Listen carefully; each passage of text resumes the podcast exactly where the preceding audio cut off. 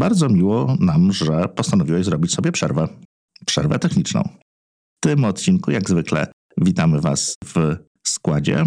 Kuba Baran. Miłosz Staszewski z K7. Dzień dobry, cześć. I Remek Rychlewski. W tym odcinku chcieliśmy się pochylić troszeczkę na temat zmian, tego co Was może czekać, jeśli chodzi o App Store, ponieważ trochę, z, no nie z własnej woli tak naprawdę, Apple y, stara się, znaczy stara się, no trochę rozluźniło reguły, które panują w sklepie. Na trochę więcej deweloperzy będą mogli sobie pozwolić, szczególnie w Europie, czyli u nas, tak? W końcu będziemy mieli lepiej niż Amerykanie, a co? E, no ale tam mm, generalnie to, to, to, to, to są pokłosia jakichś tam wymogów prawnych, jakichś spraw sądowych, więc tutaj Apple mm, samo jakby wychodzi trochę z propozycją y, zmian, y, żeby dostosować się do, do zmieniającej się, y, do zmieniających się warunków prawnych w gruncie rzeczy. I tak jak możemy na, na, na, szybciutko zacząć, ja się może zajmę troszeczkę rynkiem amerykańskim, później przejdziemy do jakiejś tam dyskusji i, i, i tego, co się dzieje w Polsce. Przede wszystkim to dla konsumenta będzie o tyle lepiej, że będzie deweloper mógł linkować do zewnętrznych mechanizmów płatności, czyli płatności za na przykład, y, nie wiem, książki, komiksy, muzykę, czy, czy generalnie wszystko inne mikropłatności w y, aplikacji będą mogły przechodzić y, bezpośrednio przez, bezpośrednio do dewelopera, tak? Tutaj głównie problemem są, no i niestety pozostaną, no ale o co chodzi tutaj? Jeśli mamy aplikację, która jest y, jakimś, jakimś sklepem cyfrowym, tak? Czy to będą książki, czy to będą komiksy, czy to będzie muzyka, audiobooki i tak dalej, i tak dalej. Tam bardzo ciężko jest twórcy tego sklepu wykroić te dodatkowe 30% dla Apple. Ponieważ zwykle podział jest taki, że twórca sklepu, niech to będzie, nie wiem, Amazon na przykład, tak, który sprzedaje jakieś tam e-booki czy, czy audiobooki jako odbu, no w jakiś sposób dzieli się z wydawcą, tak? W momencie, kiedy ten, y, do tego podziału jeszcze do, dochodzi Apple, y, no to po prostu jakby trudno tutaj znaleźć, skąd ma ten kawałek tej, kto ma za to zapłacić, koniec końców. Tak, no wypadałoby, żeby to był właściciel sklepu, tak, no bo to jest jego biznes, ale z drugiej strony te 30% bardzo często zżera cały jego potencjalny zysk. Więc stąd się jakby to pojawiło. Linki do płatności zewnętrznych w gruncie rzeczy zawsze mogły być, tylko y, nie do tak zwanych cyfrowych dóbr. Jeżeli coś kupowaliśmy fizycznego, to mogliśmy robić to przez inne mechanizmy płatności, podpiętą na przykład kartę kredytową czy, czy nawet Apple Pay, ale do zakupu w aplikacji było to y, obwarowane, że po prostu nie można było linkować. Teraz Apple zostało zmuszone do tego po części wyrokiem sądu, żeby takie linki mm, wprowadzić. Jeżeli się nie mylę, to wydaje mi się, że poza płatnościami to jeszcze był taki wymóg, nie wiem czy on też teraz został zniesiony, że twórcy nie mogli pozwalać na założenie konta, tak jakby nie mogli linkować w aplikacji już na starcie do zewnętrznego miejsca do zakładania konta. Musiało to być bezpośrednio zrobione w aplikacji, bo wydaje mi się, że też było takie obwarowanie, że nie można jakby było wychodzić z aplikacji, żeby założyć konto na przykład do Netflixa czy gdziekolwiek indziej. Jeżeli chciałeś sobie odpalić na przykład Netflixa, chyba o to też była walka przez jakiś czas, to musiałeś wejść do aplikacji, w tej aplikacji musiałeś sobie założyć konto, skonfigurować płatność, no najlepiej przez płatności Apple i nie można było wychodzić dalej. Że to było obwarowanie, które powodowało, że część aplikacji też była odrzucana, właśnie, że nie można było tego robić, a kojarzy mi się, że była też mała aferka z tym, że też byli równi równiejsi chyba, że ktoś mógł to robić, a inni nie mogli. Oczywiście jeden to był z Molochów, ale tu nie wiem, czy też kojarzycie taką sytuację i teraz pytanie do was, czy, czy mam rację, czy się mylę, że tak było, że nie można było w ogóle wychodzić poza aplikację właśnie, żeby założyć konto, że to było jedno z takich, e, jeden z takich elementów, które Apple broniło, a teraz to zostaje jakby poluzowane. Ja przyznam szczerze, nie pamiętam, czy był wymóg taki dotyczący zakładania, ale to by miało sens, tak? Że jak już miałeś, to można było obsłużyć, a, mhm. a nie mogłeś uciekać w jawny sposób od, od, od wymagań. Może rzeczywiście tak było. Tak, tak, bo to y, właśnie tak, że jasne, mogłeś sobie wcześniej mieć konto w jakimś portalu, korzystać z tego konta, wejść do aplikacji i się do niego zalogować, tak, do tego konta, ale założyć jakby nie można było w ten sposób, że aplikacja, no powiedzmy, otwiera Safari i tam się zakłada konto, że te, tego nie można było robić. Że to miał być taki chyba user experience, że to jest wszystko all in one, że to nie ma tego wyjścia. Żeby jawnie uciec od mhm. płatności, że to nie przeszło przez platformę. Tym mhm. bardziej, tak, tak. Tym bardziej. No bo wiadomo, że na etapie tworzenia konta się dopisuje płatność, a nie, a nie później, nie? Tak, tak, tak. No ale to też niestety to rozwiązanie, które teraz wprowadzili, też nie jest przepiękne dla deweloperów, ponieważ yy, Apple wymaga. Część jest bardzo pozytywna, część yy, trochę mniej dla nas użytkowników. Tak, Apple bardzo mocno, yy, przede wszystkim aplikacja, żeby z czegoś takiego korzystać, musi mieć specjalny ten entitlement, czyli zezwolenie, jeśli chodzi o, o, o, o same, samą budowę go i jej w Xcode. Plus taki, że jeżeli rzeczywiście wychodzimy do tego dzikiego internetu na te zakupy, no to aplikacja musi powiadomić użytkownika o tym, że no wychodzi z tego y, pięknego raju Apple i, i wchodzi do dzikiego internetu i tam wszystko jest możliwe i zaraz mu mogą ukraść wszystkie pieniądze. No oczywiście teraz się trochę naśmiewam, natomiast no jest taki tekst, żeby, że, że za to, co będzie za chwilę, Apple nie może brać odpowiedzialności, bo to nie mają nad tym, tym jakby kontroli. Co za tym idzie, dalej użytkownik nie może być wysłany na stronę, która jest spersonalizowana dla niego. Tak, czyli jeżeli jesteśmy zalogowani w aplikacji, to jest też kwestia śledzenia trochę. Jesteśmy gdzieś tam zalogowani, to nie możemy tego przesłać, znaczy deweloper nie może tego przesłać dalej. Użytkownik musi się jakby na nowo zalogować na swoje konto i później dokonać ewentualnie płatności za y, jakąś tam usługę czy, czy treść, którą, y, którą chce, chce zakupić. I Apple oczywiście, znaczy no nie oczywiście, no Apple jednak y, uważa, że za te zakupy również należy im się gratyfikacja od dewelopera. I tutaj, tak jak, tak jak normalnie są to, jest to te 15% od małych deweloperów, 30% od dużych. Tak, mamy tutaj bardzo promocyjne ceny, jest 12% i 27%, czyli ucięli po 3% za, za transakcję, powiedzmy, kartą kredytową. Tak to jest w Stanach, powiedzmy, przyjęte, że te 3% to jest koszt transakcji kartą. No, u nas na szczęście są dużo niższe, z tego co słyszałem ale tutaj deweloper jakby musi y, te pieniądze, które y, użytkownik wyda na jego stronie, y, zwrócić Apple'owi, bo mm, tak, tak, tak jest skonfigurowana umowa. Co więcej, i, i to jest już bardzo dziwne. Doczytałem się gdzieś, że deweloper musi śledzić zakupy tego użytkownika późniejsze jeżeli w ciągu tygodnia po tej transakcji dokona jakichś kolejnych, no bo tu łatwo by można było, tak, tutaj zapłać nam dolara, a za tydzień, a za, nie wiem, za dwa dni będziesz miał, dostaniemy, już, już w tym momencie, tak, y, deweloper ma maila, ma wszystkie informacje a, a propos płatności dla tego użytkownika, no to promocja tutaj, pierwszy tam, nie wiem, Y, pierwsza płatność mała, a potem druga płatność super promocyjna jeszcze taniej. Tak? No, od tej drugiej super promocyjnej płatności, którą ewentualnie deweloper mógłby wymyślić, żeby jakoś tam nagiąć system, to też musi zapłacić. Czyli wszystkie zakupy do, do jednego tygodnia wykonane przez tego użytkownika, którego musimy tam jakoś tam śledzić w internecie, Apple winszuje sobie te 27 lub 12% y, od tych transakcji i to już tak wygląda mm, mało kolorowo, tak? No bo właściwie wszystkie zyski, które ewentualnie de deweloper miałby, y, miałby dla siebie, no to Apple tutaj y, kładzie na tym rękę. Jedyne co, co no, to, y, no to dostaje informację faktycznie o kliencie, tak? No bo, no bo ten klient musi u niego się zalogować, musi posiadać jakieś konto, musi dokonać płatności, więc ma dane użytkownika. To jest tak naprawdę poza tymi trzema procentami jedyny jego zysk. No jeżeli jest tak jak mówisz, że to są takie małe różnice, to pojawia się ten aspekt, który jest chyba najważniejszy.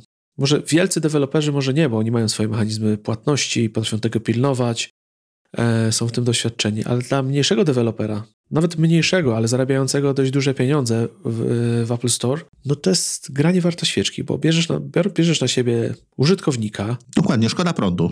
Musisz zwroty, tak, które są chyba najtrudniejszą kwestią, też obsługiwać. Tak. Musisz go rozliczać, musisz dbać o bezpieczeństwo jego danych, tak, nie mogą te dane wyciec, musisz je odpowiednio przechowywać.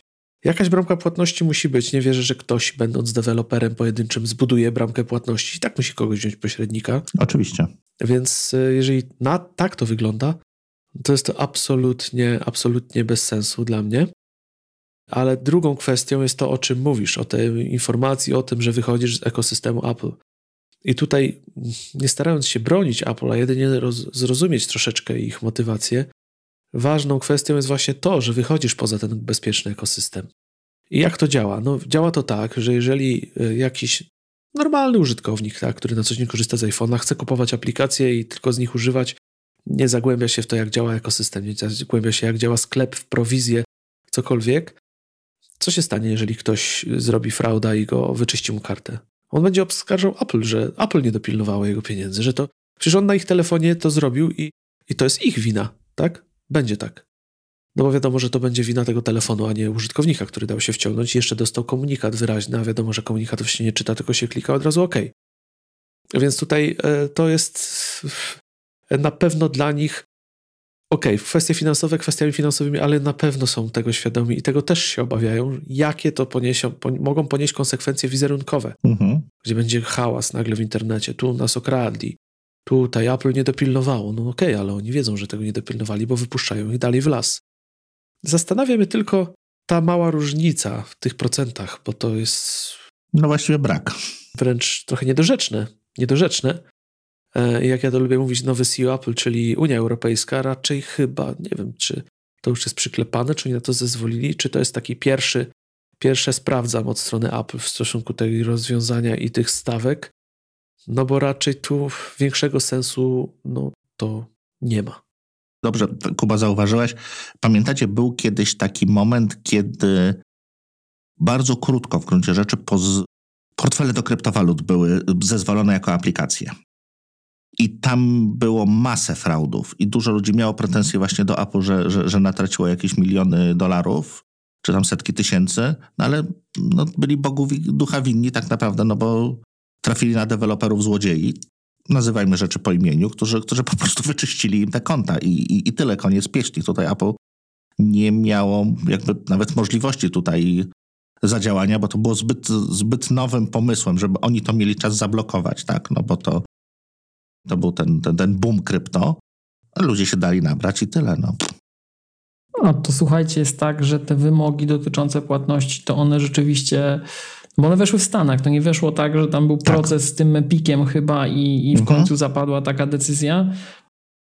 Czy to chodziło po prostu o to, że sąd kazał, żeby, znaczy kazał Apple'owi udostępnić możliwość linkowania do zewnętrznych źródeł płatności. I oni w ten sposób zinterpretowali sobie to zalecenie, yy, zalecenie yy, sędziego. Epic się oczywiście odwołał, tak? No, od, od wszystkiego się odwołują, taką mają tradycję.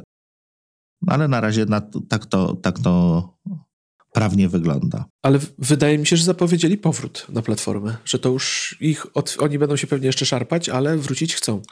Tak.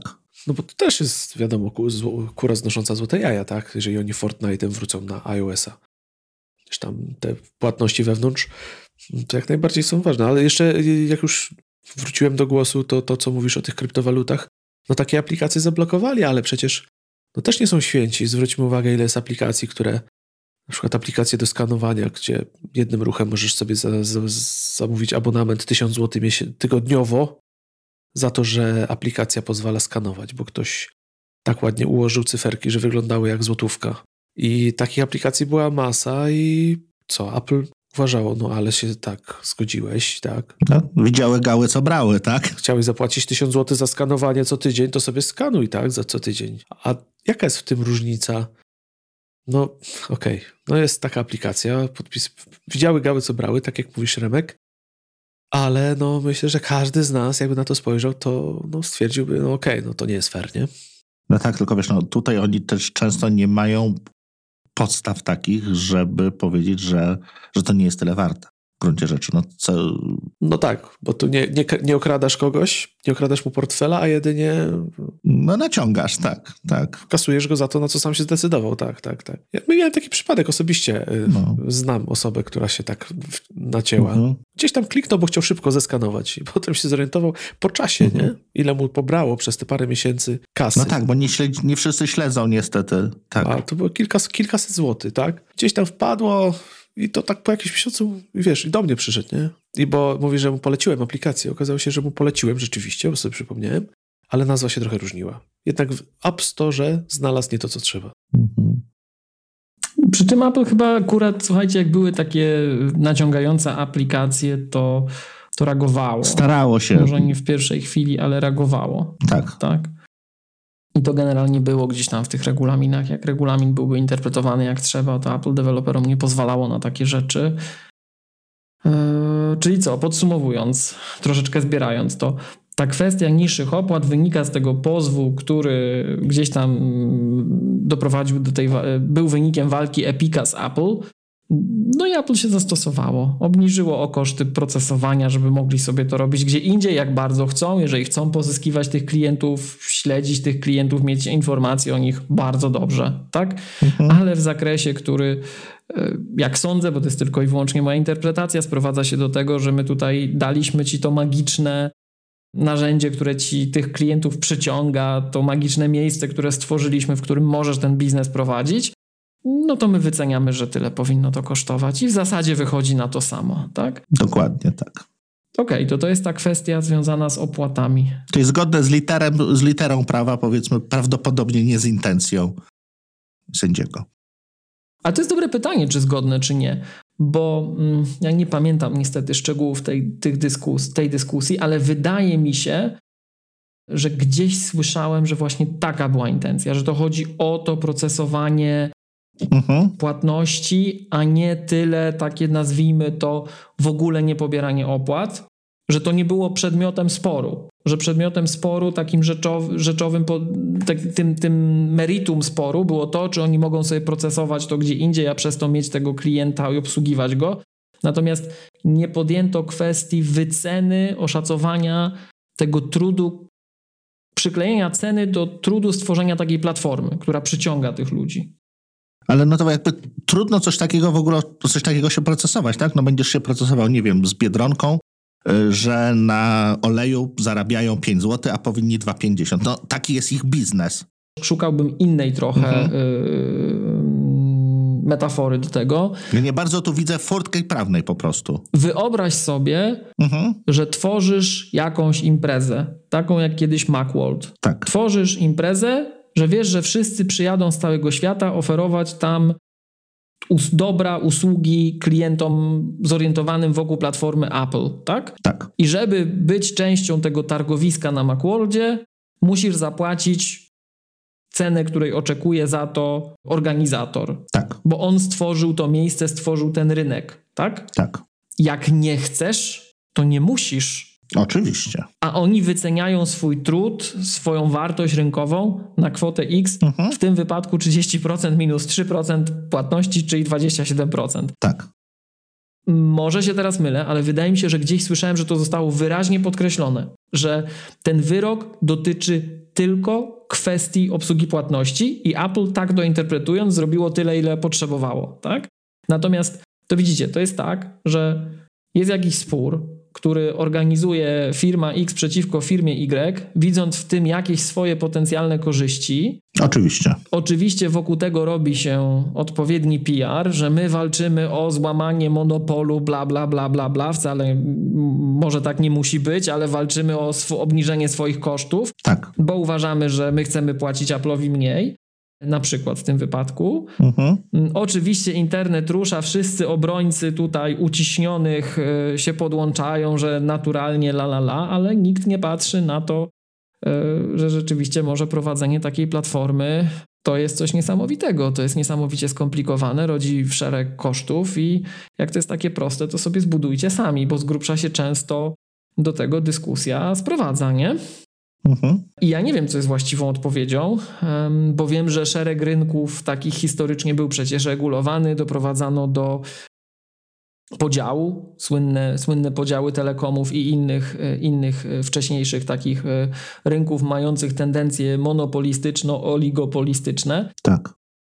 Ale ja nie wiem tak uczciwie, czy to jest tak, czy to jest właściwa analogia, no bo jeżeli ktoś, nie wiem, prowadzi firmę wodociągową albo firmę E, nazwijmy to telekomunikacyjną, to z grubsza rzecz biorąc, taka firma telekomunikacyjna działa w oparciu o jakieś standardy, masz odpowiednio dużo pieniędzy, odpowiedni know-how organizacyjny, to sobie zbudujesz. Tak. Natomiast stworzenie platformy, unikatowej platformy hardware'owo-software'owej i dorobienie do tego ekosystemu dystrybucyjnego, to już nie jest taka od sztańcy robota, że kupię te rury, kupię ten sprzęt telekomunikacyjny i się będę cennikiem bił, bo to wcale nie o to chodzi. Nie? To jest zbudowanie. Zgadza się produktu, który jest definiowany, platformy, która jest definiowana przez cechy produktu, który sam w sobie jest super mega skomplikowany i nikt takiego nie ma. No, szczególnie to, że paru firmom się w ogóle to udało coś takiego stworzyć, tak? Można i na, na palcach jednej ręki właściwie policzyć liczące się tego typu sklepy. Pamiętajmy, że sprawa ma miejsce w Stanach i każdy kraj, ka, każde, każda jurysdykcja ma swoje wartości. Typu nie wiem, czy kojarzycie, jak się kończył proces Samsunga z Applem w poszczególnych krajach. W Stanach wygrał kto? Wygrał Apple, tak? Samsung tak. mu wypłacił w tym słynnym TIR, wysypał pieniądze. W Unii Europejskiej w zależności od kraju. Jeśli dobrze pamiętam, w Niemczech Apple wygrało, a w Holandii Apple przegrało.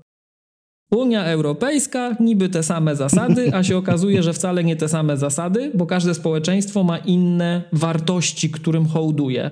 No i Niemcy, mając swoje, um, swój design, który odróżnia ich produkty, które się sprzedają, bo są niemieckie, oni będą bronić zasady, że to jest niemieckie, to się odróżnia, to jest ta jakość, ten znak firmowy i trzeba tego strzec.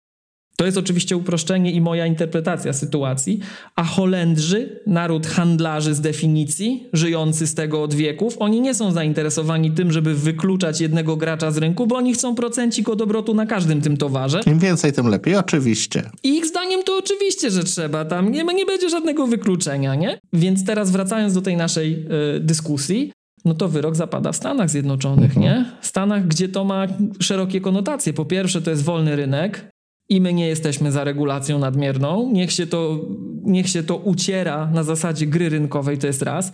A dwa, ja przypuszczam, nie wiem oczywiście, ale przypuszczam, że przynajmniej na którymś etapie tego sporu, nie wiem w której instancji, sędzia będzie miał z tyłu głowy tę odpowiedzialność, że on w zasadzie zdefiniuje możliwość rozwoju amerykańskiego podmiotu, który w końcu trzyma ten świat w dużej mierze w garści. Jak sobie go za bardzo zepsujemy, to własną gospodarkę, ale też globalny wpływ naszego lidera ukrócimy. I tak mi się jakoś wydaje, że i w politycznych sporach, i prawnych sporach zawsze to gdzieś z tyłu głowy jest, tak?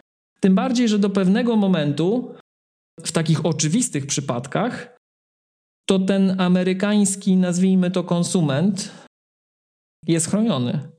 Typu te opłaty takie patentowe non-discriminatory licensing terms, tak? Że jak chce sobie, to chyba był spór Qualcomma z Applem. Tak. Że doszło oczywiście do ugody, że nie chcemy tego orzeczenia. W żadnym razie nie chcemy tego orzeczenia. Nie, nie, nie. Nie, nie my, my się dogadamy, że ci uznają, że to jednak są fair warunki i my też uznamy, że to są fair warunki. Bo jak się ktoś przyjrzy i powie regulator, że to jednak nie są fair warunki, to się skończy Eldorado, nie? I to dla wszystkich. Tak, więc wydaje mi się, że to jest bardzo wielopoziomowe. Więc wracając, ten fragment dotyczy tego, że tak, skupiamy się na możliwości generowania opłat poza App Store. No jest uczciwie obniżony, tak jak Remek zauważyłeś, o taką uznaną wartość rynkową. Bardzo dobrze. Dalej, nie? No.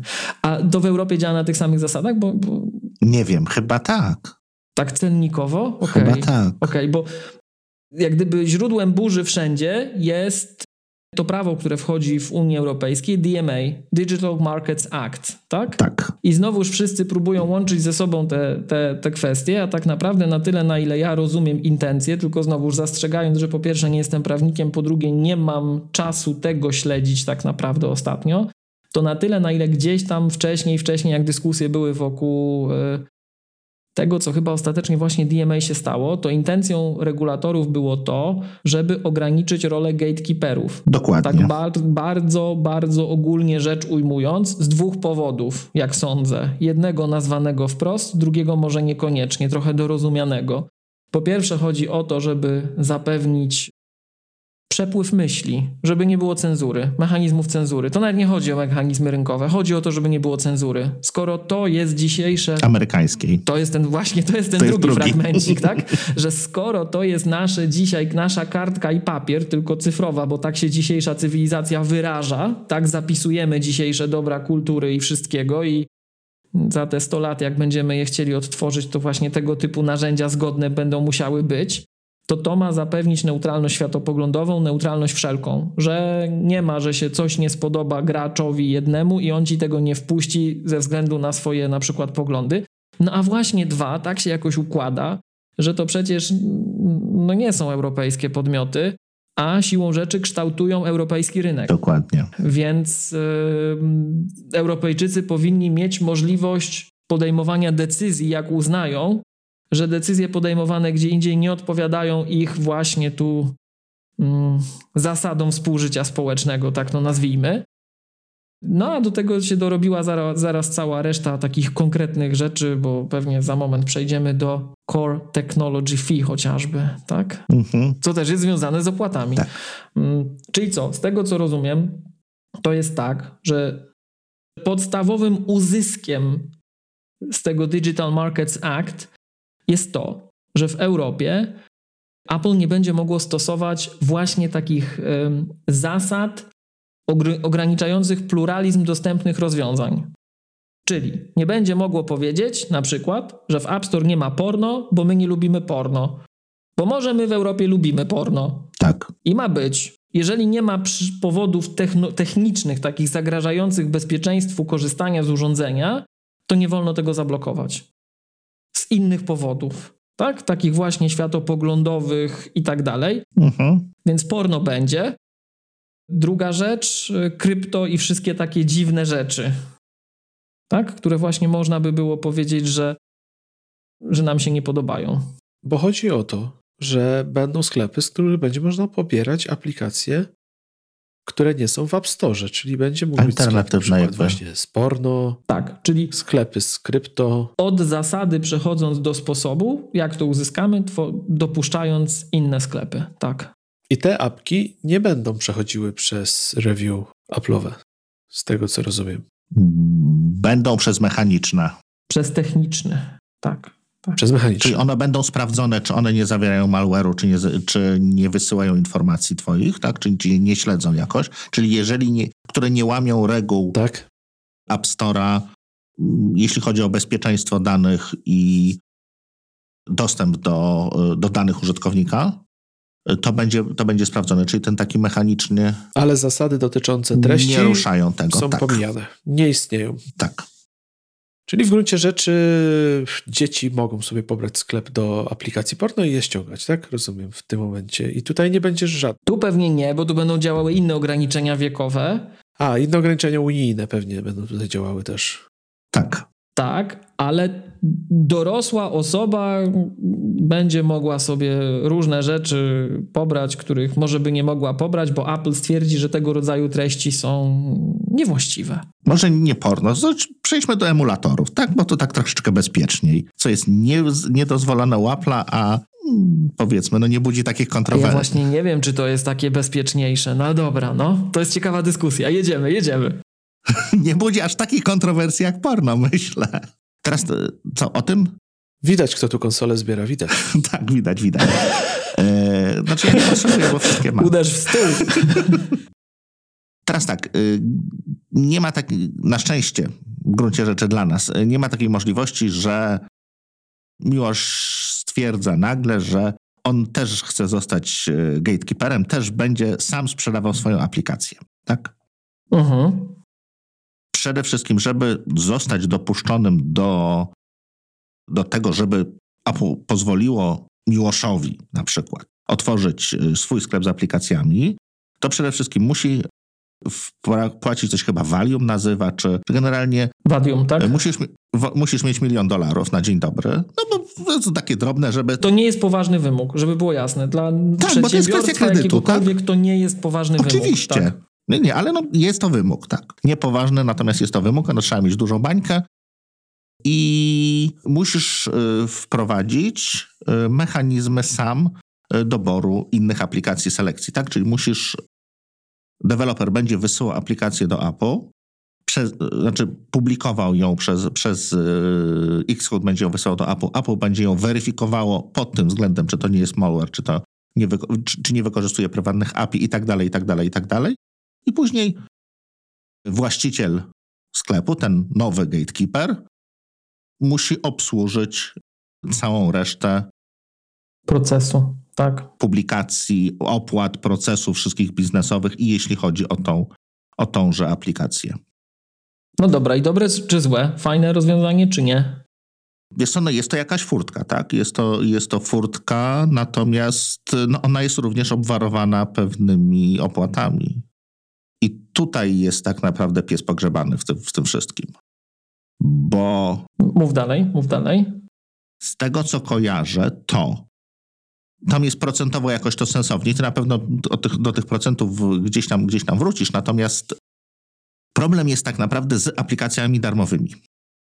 Jeżeli aktualnie publikuje deweloper aplikację, która no, żyje tylko z reklam, tak? No bo umówmy się, no, jest to jest to jakaś tam też forma zarobku, nie, niekoniecznie trzeba, trzeba kasować użytkownika, można mu pokazywać reklamę i w ten sposób jakoś tam zyskiwać pieniądze, ale po prostu darmowa, bo z dobrego serca napisana, stworzona dla, dla ludzi. Tak, też się takie trafiają. Mhm. Natomiast jeżeli taką aplikację będziemy chcieli opublikować w tym sklepie, który będzie tylko i wyłącznie w Europie, tak? Jeżeli Apple zweryfikuje, że jesteś mieszkańcem Unii Europejskiej, to dopiero wtedy będziesz miał do tego dostęp. Tak? To nie jest tak, że każdy John Smith będzie mógł sobie wejść do tego sklepu i powiedzieć, no to dzisiaj będę mieszkał, nie wiem, w Wielkiej Brytanii, to sobie naściągam to, tego porno, czy tych emulatorów. No nie, nie, nie. Jest to, będzie to zweryfikowane na podstawie geolokacji, adresu, numeru karty kredytowej itd., tak itd., tak więc y, będzie to tylko, tylko, tylko dla nas. Ale do czego zmierzam? Jeżeli aplikacja jest płatna, no to jest ok, tak? No, w momencie, kiedy kiedy użytkownik płaci w tym momencie Miłoszowi jako pośrednikowi, już zostajesz autorem, zostajesz właścicielem tego sklepu. W mojej, w mojej, Niech będzie, no. W mojej historii. Historii, tak. Tak, tak. Te, nie wiem, 10 euro, z czego ty się dzielisz w jakiś sposób z deweloperem, oddajesz tam kawałek, kawałek też działki z tego Apple'owi, wszystko jest fajnie. Problem jest, jeżeli ta aplikacja jest darmowa. Jeżeli ta aplikacja jest darmowa i ona i pobierze ją w ciągu roku mniej niż milion osób, dobrze mówię? Chyba milion. Mhm. Tam jest milion zawsze graniczny, no. To wszystko jest pięknie, Apple nic do ciebie nie ma. Natomiast jeżeli pobierze ją więcej niż milion osób, od każdej instalacji tej aplikacji w ciągu roku dla każdego użytkownika zostaniesz obciążony kwotą 50 eurocentów. Mhm. I to jest tak naprawdę bat na darmowe aplikacje, no bo jeżeli coś zdobędzie po... Czyli pół miliona, tak? Euro trzeba zapłacić wtedy. Wiesz co, chyba od tej... Od tej... W górę. Milion jest gratis i od następnych już płacisz. W górę liczą. Aha, okej, okay, rozumiem. Wydaje mi się, że w ten sposób jest. Mhm, tak, czyli w górę tak. już zaczynasz płacić 50 eurocentów. Bo taki Remek miałem takie wrażenie, że ty powiedziałeś, że to niefajne jest. Że niefajne jest dla tych darmowych apek i w ogóle. Yy, znaczy, no, nie widzę możliwości. Znaczy tak, musimy mieć aplikację, która w gruncie rzeczy jest abonamentowa. Mhm. Bo jeżeli mamy aplikację, która jest raz płatna, niech ona będzie płatna 10 dolców, tak? Klient, robimy nowe, nowego klienta Twittera, cokolwiek. To przy niej również za każdą instalację kolejną, za każdy update w, dla użytkownika w kolejnym roku, no zostaniesz obciążony tą kwotą tych 50 eurocentów powyżej tego miliona, tak? Czyli jeżeli to rzeczywiście będzie popularne. Mhm. Więc w momencie, jeżeli aplikacja, nie wiem, ma czas życia 5 lat, to ty przez te 5 lat potencjalnie będziesz narażony na to, że będziesz musiał ponosić dodatkowe koszty związane z tym, że użytkownicy po prostu będą korzystać z tego, co kupili. Ty już dawno się rozliczysz z deweloperem, a dla ciebie będzie to generowało dodatkowe koszty. Więc tak naprawdę tylko w aplikacji, która ma jakiś abonament, y, to się po prostu będzie spinało, bo ty będziesz miał możliwość y, no po prostu pobrania tej, tej prowizji z zysku, który wypłacasz deweloperowi.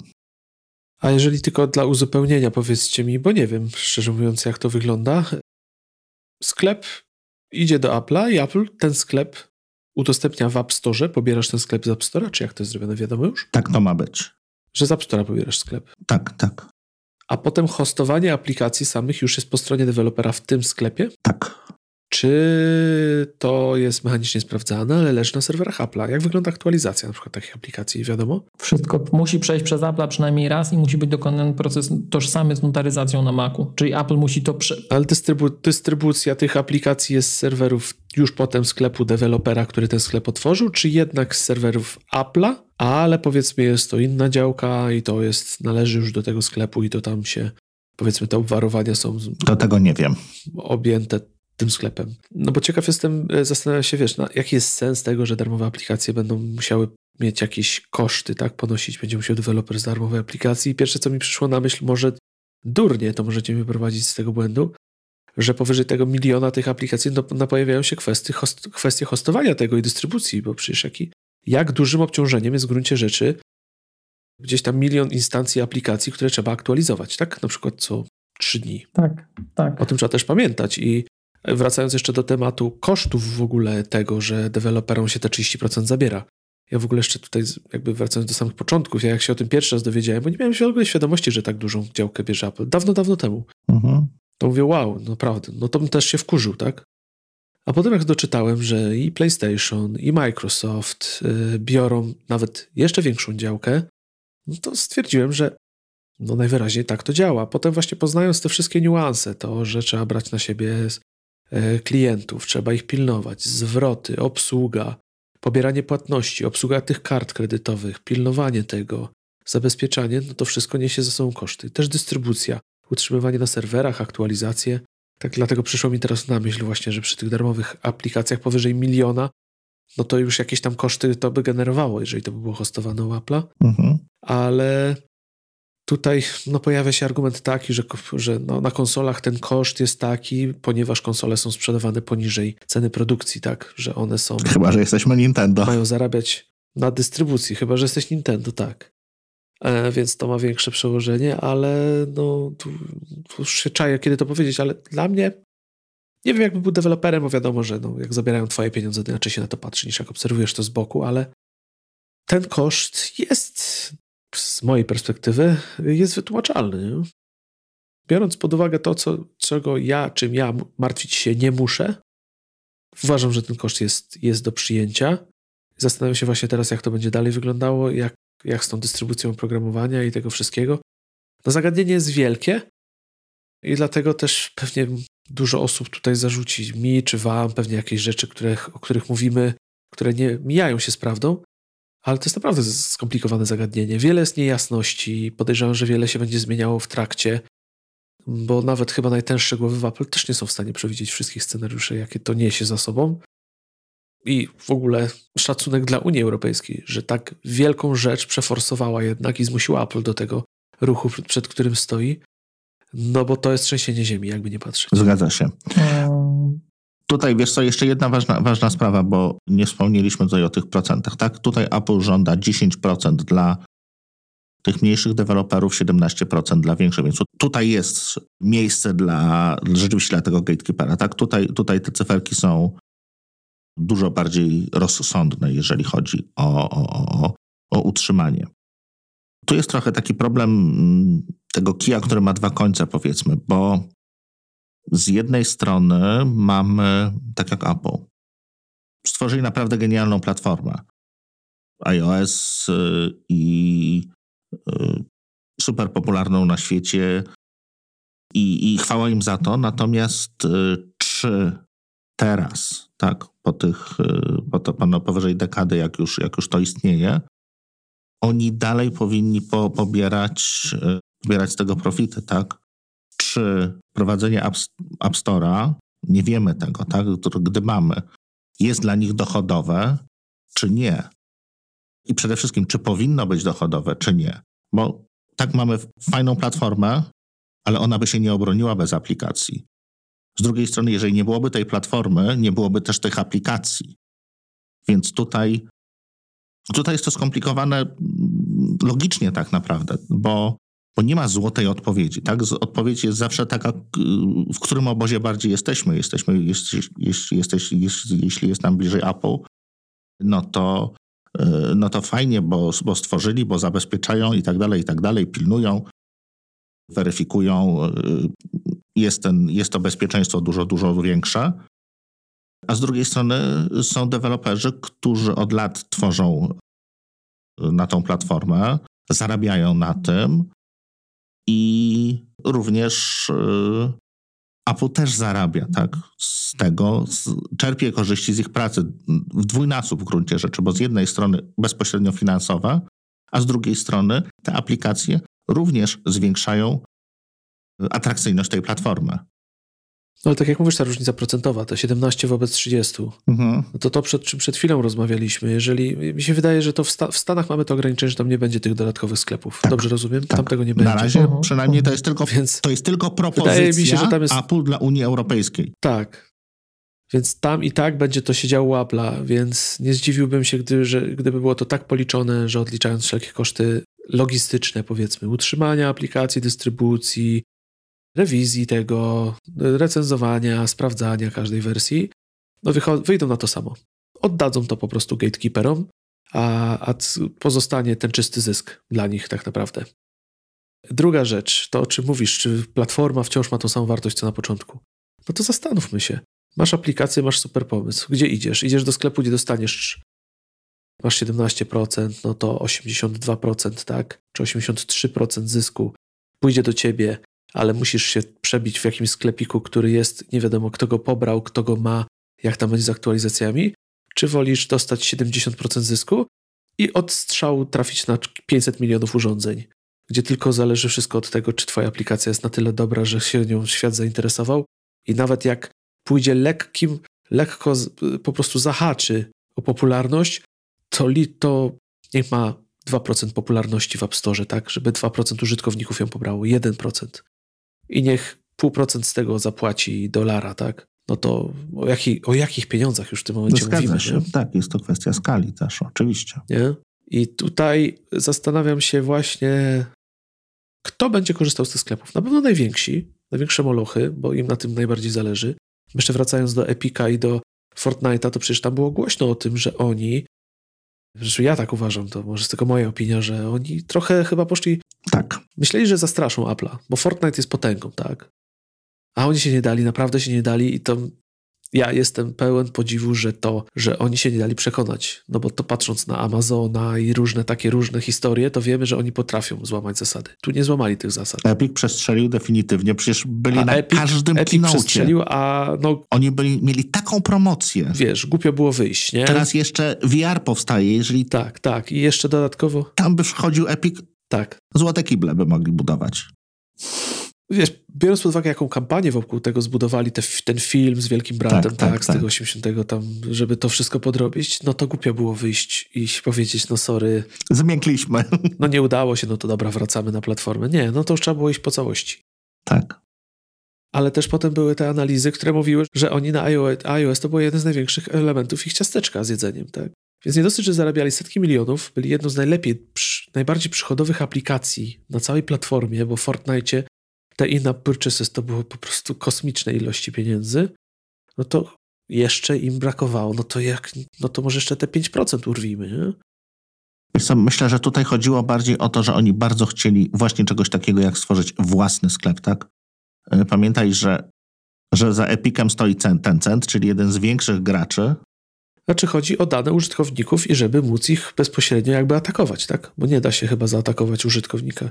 Nie wiem, Miłosz, ty będziesz lepiej wiedział, czy wiesz, kupując przez App Store ja mogę się komunikować jakkolwiek z klientem, wysyłać mu powiadomienia poza aplikacją? Nie mogę. Powiadomienia możesz, ale nie wiesz, kto, kim jest ten klient tak wprost, jeżeli on jakiegoś konta u ciebie nie założy. Mailingu nie wyślę, nie? No, nie mogę wysłać mailingu do użytkowników mojej aplikacji. No chyba, że założył sobie konto z... Nie.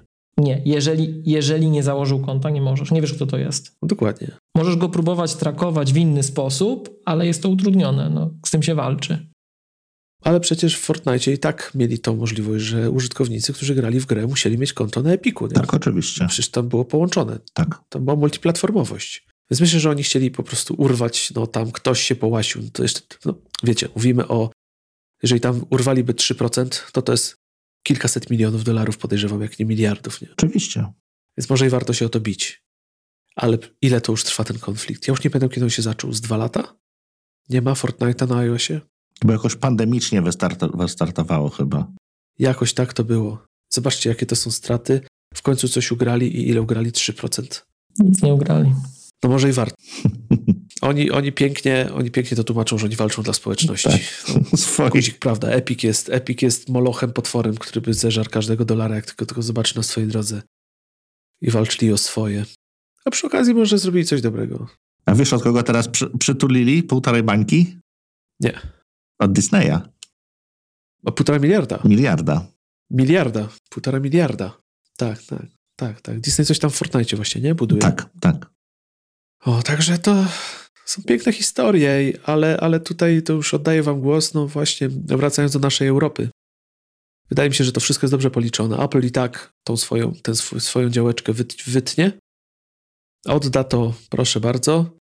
Wiadomo, te, te problemy, o których mówiliśmy, czyli zwalanie winy na Apple, jak coś pójdzie nie tak, no z tym się będą musieli niestety borykać. Na to nie ma, nie ma odwrotu, skoro Unia ich zmusiła, ale, ale myślę, że im się krzywda nie stała w każdym razie.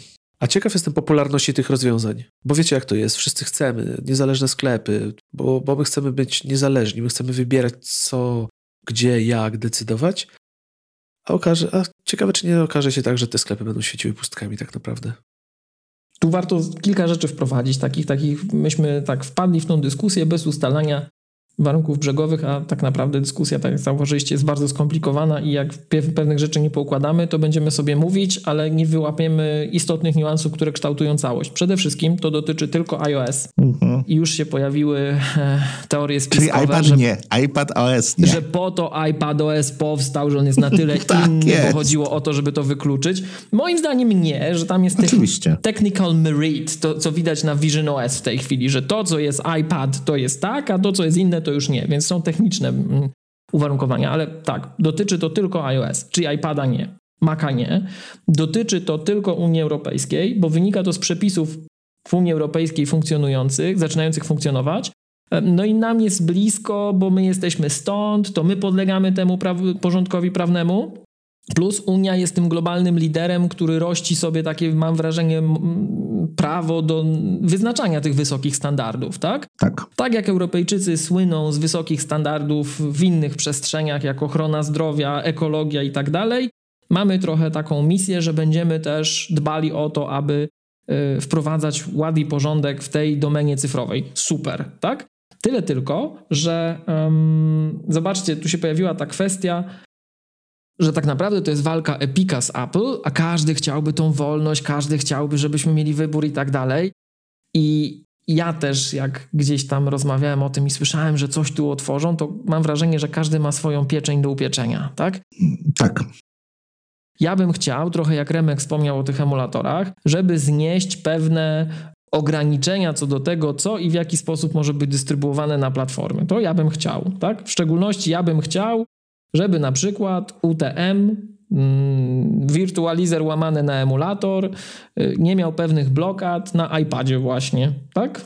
Ja bym chciał, bo były narzucane pewne ograniczenia. Apple podejmowało decyzję, że pewne rzeczy niosą ryzyko związane z security platformy i już, tak? I ja myślałem, że to, to mi ta sprawa załatwi. Okazuje się, że nie załatwi. Tak?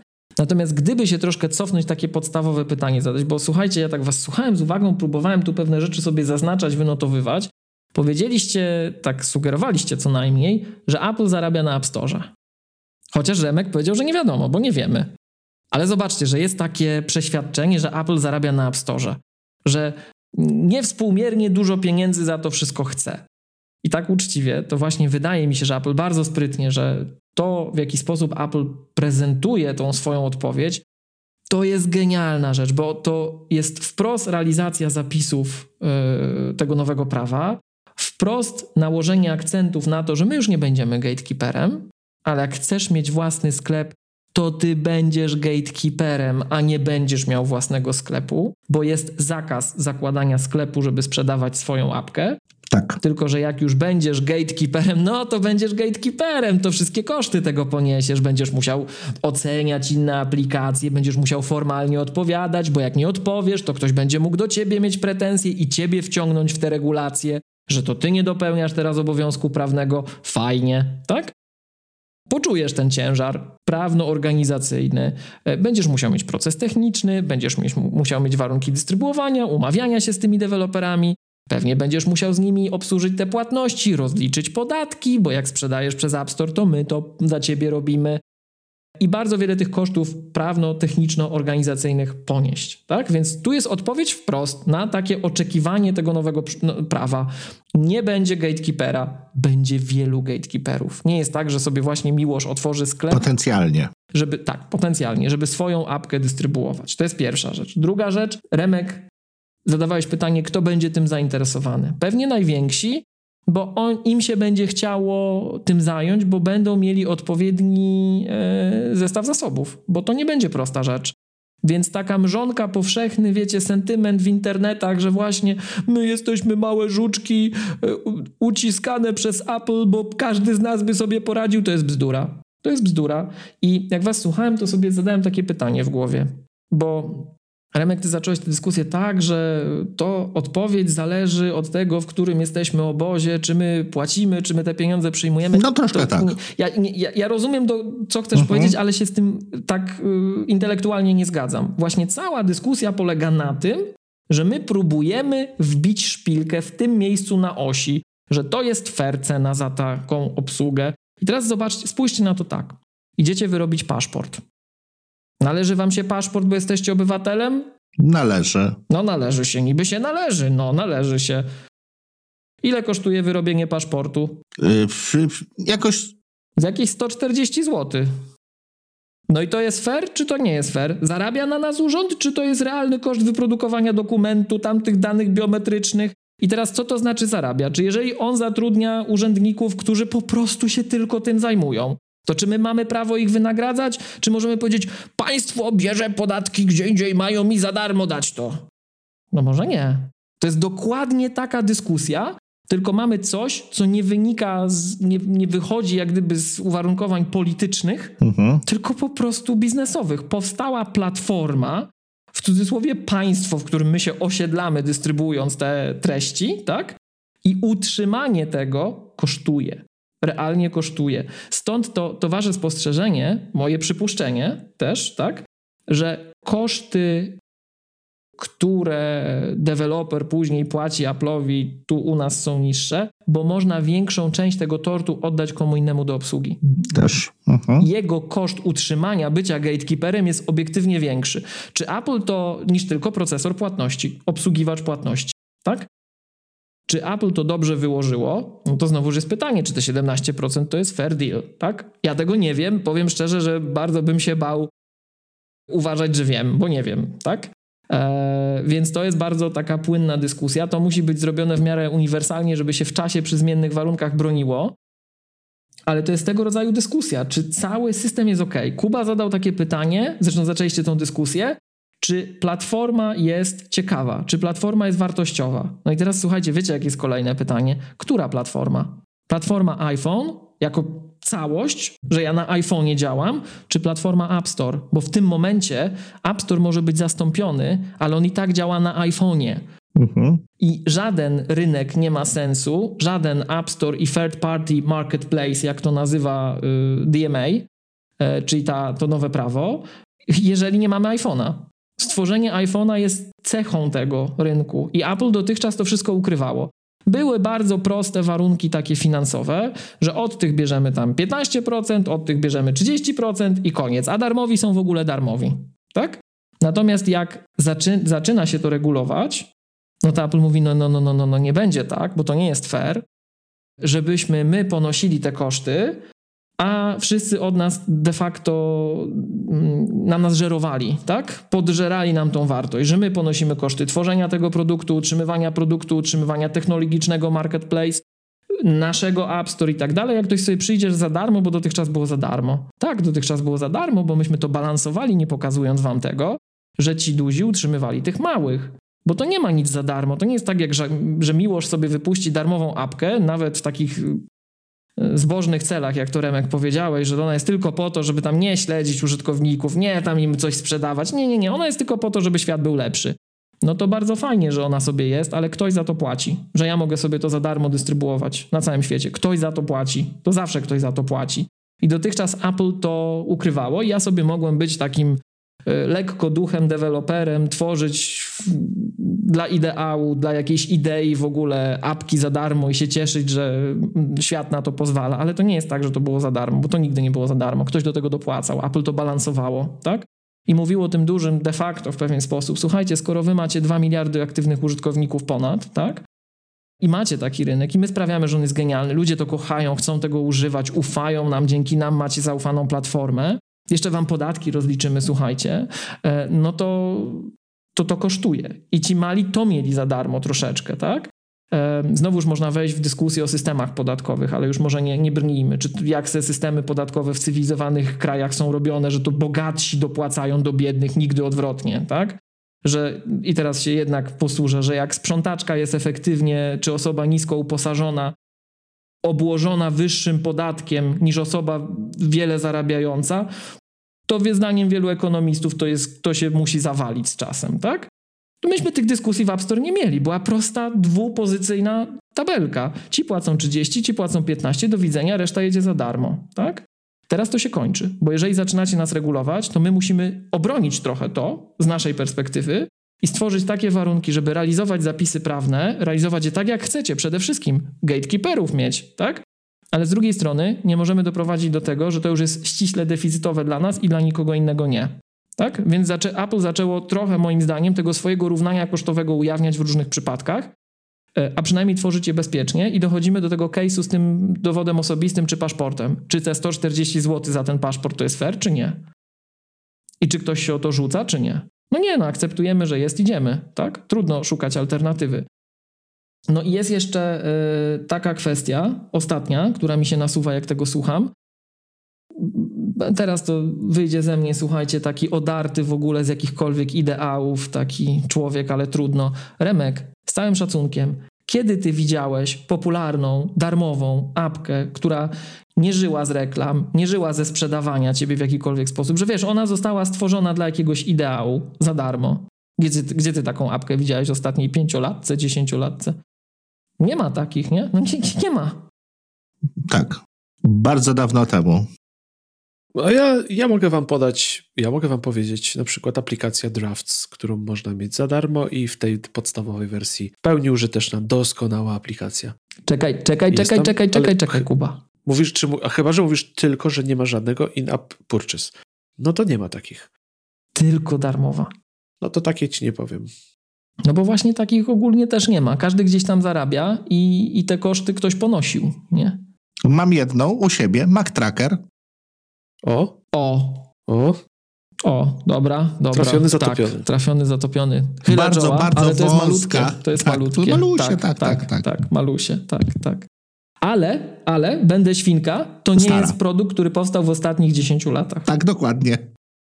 Ja w ogóle chciałbym Ci miłość podziękować, ponieważ już od teraz wyrobienie paszportu nigdy nie będzie takie samo. Będziesz myślał, że wiesz, no. Tak, będę za, przez zaciśnięte zęby płacił z, tą opłatę manipulacyjną. Znaczy ogólnie tak jak was słucham, to co, im więcej wiem, tym mniej wiem. No poczekaj, bo to my dopiero się rozkręcamy. I bardzo jestem ciekaw, jak to rzeczywiście będzie wyglądało. Więc jestem ciekaw, co dalej. Jestem ciekaw, co dalej i ciekaw jestem też, ile ja bzdur powiedziałem i ile wy powiedzieliście bzdur, a ile powiedzieliśmy prawdy. To będzie fajny odcinek do zweryfikowania za jakiś czas, jak to wszystko rzeczywiście wejdzie w życie.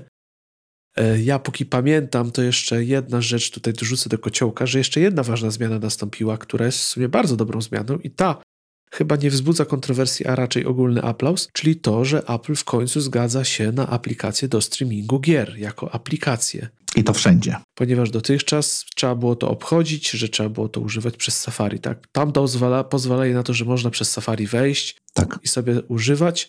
Teraz rzeczywiście, czy tam Xbox Cloud Gaming bodajże, tak, czy PlayStation, nie, oni chyba to nie jest PlayStation Remote, nie wiem jak się nazywa ich aplikacja, ale GeForce Now, tego typu usługi będą w końcu natywnie obsługiwane na urządzeniach i to jest bardzo dobra zmiana, uważam. Zgadza się. Tutaj możemy, nie wiem, czy to wy, wyszło na linii tego pozwu Epika, czy nie, ale co do tego, do, cokolwiek do tego doprowadziło, to to jest to rzecz słuszna i tutaj ja nie widziałem wytłumaczenia. Nie wiem, jak wy na to, że jednak Apple tak uparcie broniło tego, żeby tego gamingu takiego natywnego zabronić na swoich urządzeniach. Wiesz co, ja też tutaj niczego nie... Będzie czysta zupełna spekulacja. Najbardziej, najgłośniejszym, jeśli chodzi o, o, o wprowadzenie tego, yy, był Microsoft. Oni bardzo, yy, bardzo mocno to chcieli wprowadzić właśnie, żeby ten Y, ten cloud gaming działał i on był możliwy, tak? Tylko Apple sobie zażyczyło, że każdą aplikację będą weryfikowali. Y, czyli każdą grę, przepraszam, która będzie streamowana. Więc no to nie, nie, nie miało jakby, jak, jak to działać. Myślę, że to jest jakaś kwestia ich dogadania się gdzieś, y, no nie, nie nazwałbym tego pod stołem, tak? No ale poza, poza, poza, poza ogólną naszą wiedzą.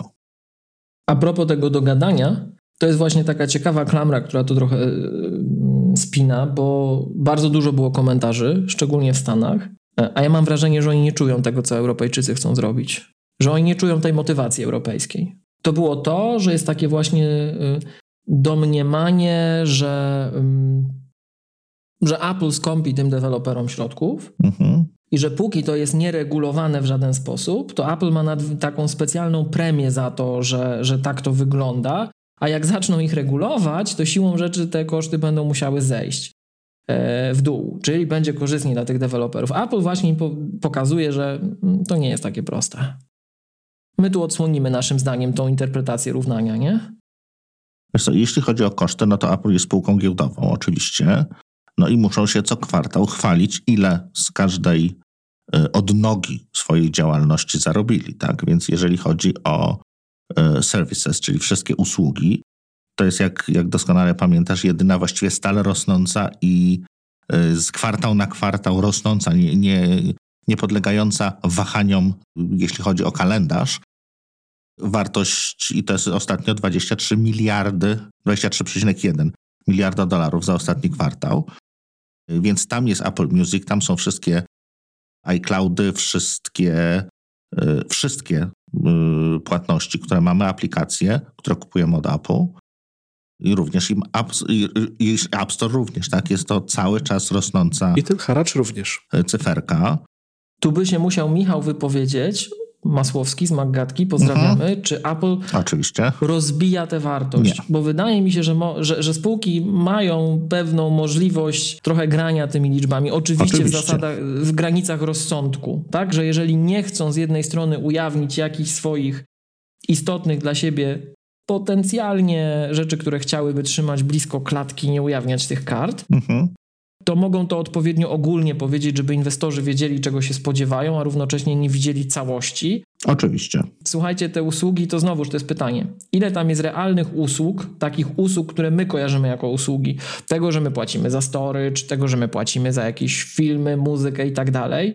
A ile tam jest realnie tej opłaty, nazwijmy to konserwacyjnej App Store'a, czyli tego kosztu związanego z utrzymaniem infrastruktury. Bo ja mam wrażenie, że Apple próbuje to tak rysować, bo tu jest jeszcze jedna kwestia, którą też chciałem gdzieś podkreślić, ale uciekliśmy. Padło to pytanie Kuby, czy to jest ta sama platforma? I ja trochę poszedłem w dyskusję, czy to jest ta sama platforma iOS, jak, e, przepraszam, App Store, czy ma iPhone, tak? Ale teraz zobaczcie, kiedy Apple potencjalnie było ciekawszą platformą, patrząc już jako całość, iPhone i App Store? iPhone był ciekawszy w dniu premiery, czy dzisiaj? Na dewelopera? Dla dewelopera dzisiaj. Zdecydowanie dzisiaj. Chociaż niekoniecznie. Widzisz, łatwiej było się przebić w dniu premiery. Poza małymi. Małemu było łatwiej się przebić, tak. Ale co do zasady, dla przeciętnego dewelopera rzeczywiście jest dzisiaj. Co widać w ilości deweloperów. Tak? Wszyscy dzisiaj w tej gorączce złota chcą brać udział. A zobaczcie, czy dla Apple'a koszty utrzymania były wyższe, są wyższe dzisiaj, czy wtedy? No dziś wiadomo. Apple'owi wzrosły, wzrosły koszty utrzymania tego na pewno wielokrotnie. No bo dzisiaj ma, App Store nie jest tym, co kiedyś. Tak? Musi hostować więcej, oferuje więcej, la la la la la. Yy, czy wy jesteście w stanie powiedzieć, bo ja nie, czy te koszty rosły liniowo? Bo ja wcale nie wiem, czy liniowo. Nie, nie wiem. I można nie. grać na efekt skali, ale licho wie, to jest zupełnie inna przestrzeń, to jest inny wymiar, nie? E, moim zdaniem te 30% takie, ja to zawsze studentom powtarzam, że te koszty, teraz, teraz nie wiem co powtarzać, bo na razie sytuacja jest nieprzejrzysta, ale przed tą rewolucją to zawsze studentom powtarzałem, że, bo oni już oczywiście mi wyskakiwali, że Epic, no bo oni kojarzą Epika, grają, tak? Że Epic walczy o nasz los, to zawsze mówiłem, zapomnijcie, to jest bzdura. Oni wcale o was nie walczą, a dla was te 30 albo 15% to jest jak za darmo nie jesteście w stanie za taki ułamek waszego przychodu cokolwiek z tym zrobić. Nie, nie jesteś w stanie jako mikrogracz, czy nawet mały gracz obsługiwać tego globalnie. Nawet dla takiego gracza jak, nie wiem, jak powiedzmy CD Projekt, to byłby istotny problem, żeby sobie tym brudzić ręce. Oni chcą robić gry, a nie chcą się zajmować Oczywiście. tym, czy ja w Japonii płacę taki podatek, czy w Chinach płacę taki, a jak mi tu cenzor wskoczy, to czy ja mam usuwać, czy mam nie usuwać i tak dalej, nie? Wiesz co, CD Projekt to, to akurat słaby przykład, bo oni akurat są właścicielem Goga. To oni sobie brudzą ręce akurat. Mają swoją platformę Mają swoją grową. platformę, tak, tak. No tak, ale do naszych tych, no okej, okay, masz rację, zły pro. No, to tak, to, to, to, to, to tak. No ale, ale tutaj też CD Projekt jest też e, dobrym przykładem tego, jak platforma jest ważna, jak bolesne dla nich było to, jak wyszedł Cyberpunk i Sony wycięło go ze sklepu. Tak. Jaki to był dla nich strzał i jak wtedy musieli spiąć pośladeczki, żeby po prostu wrócić na tą platformę, bo to jest taki kawałek tortu, sprzedaż tam, który ciężko odrobić w jakikolwiek inny sposób, bo to masz pewniaka, nie?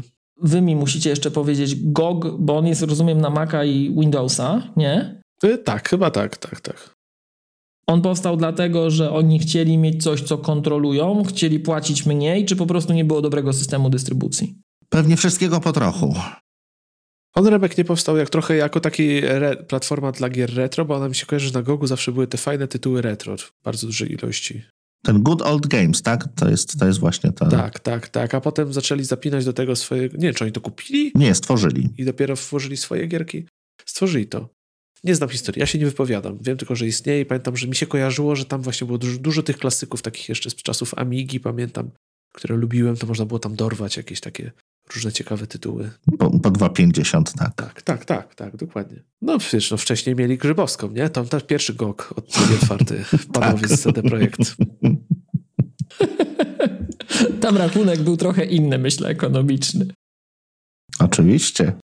Oni, oni się nie wstydzą tego, że tam zaczynali przecież. Znaczy nie wiem, czy się wstydzą, czy nie wstydzą, ale wszyscy o tym wiedzą. Tak. Wtedy to było legalne. Wiecie co, przy czym y, o jednej ważnej cyferce zapomnieliśmy, mówiąc o tych, o tych miliardach. Tam jest również kasa, którą Apple dostaje y, kwartał w kwartał od Google'a za defaultową przeglądarkę. I to, I to jest znaczący procent tej kwoty. To też, y, to też tutaj warto, warto przypomnieć. Y, no bo tak wynika z umowy, tak? Przy okazji jakiegoś innego procesu wyszła, wyszła wielkość tej kwoty i to, to, to było coś konkretnego, ile dobrze pamiętam. No dobra, a słuchajcie, y, czy wy macie, bo ty Remek gdzieś tam widziałeś, czy, tak. czy mamy ten kwartalny y, tam revenue z tych usług? Mamy czy nie?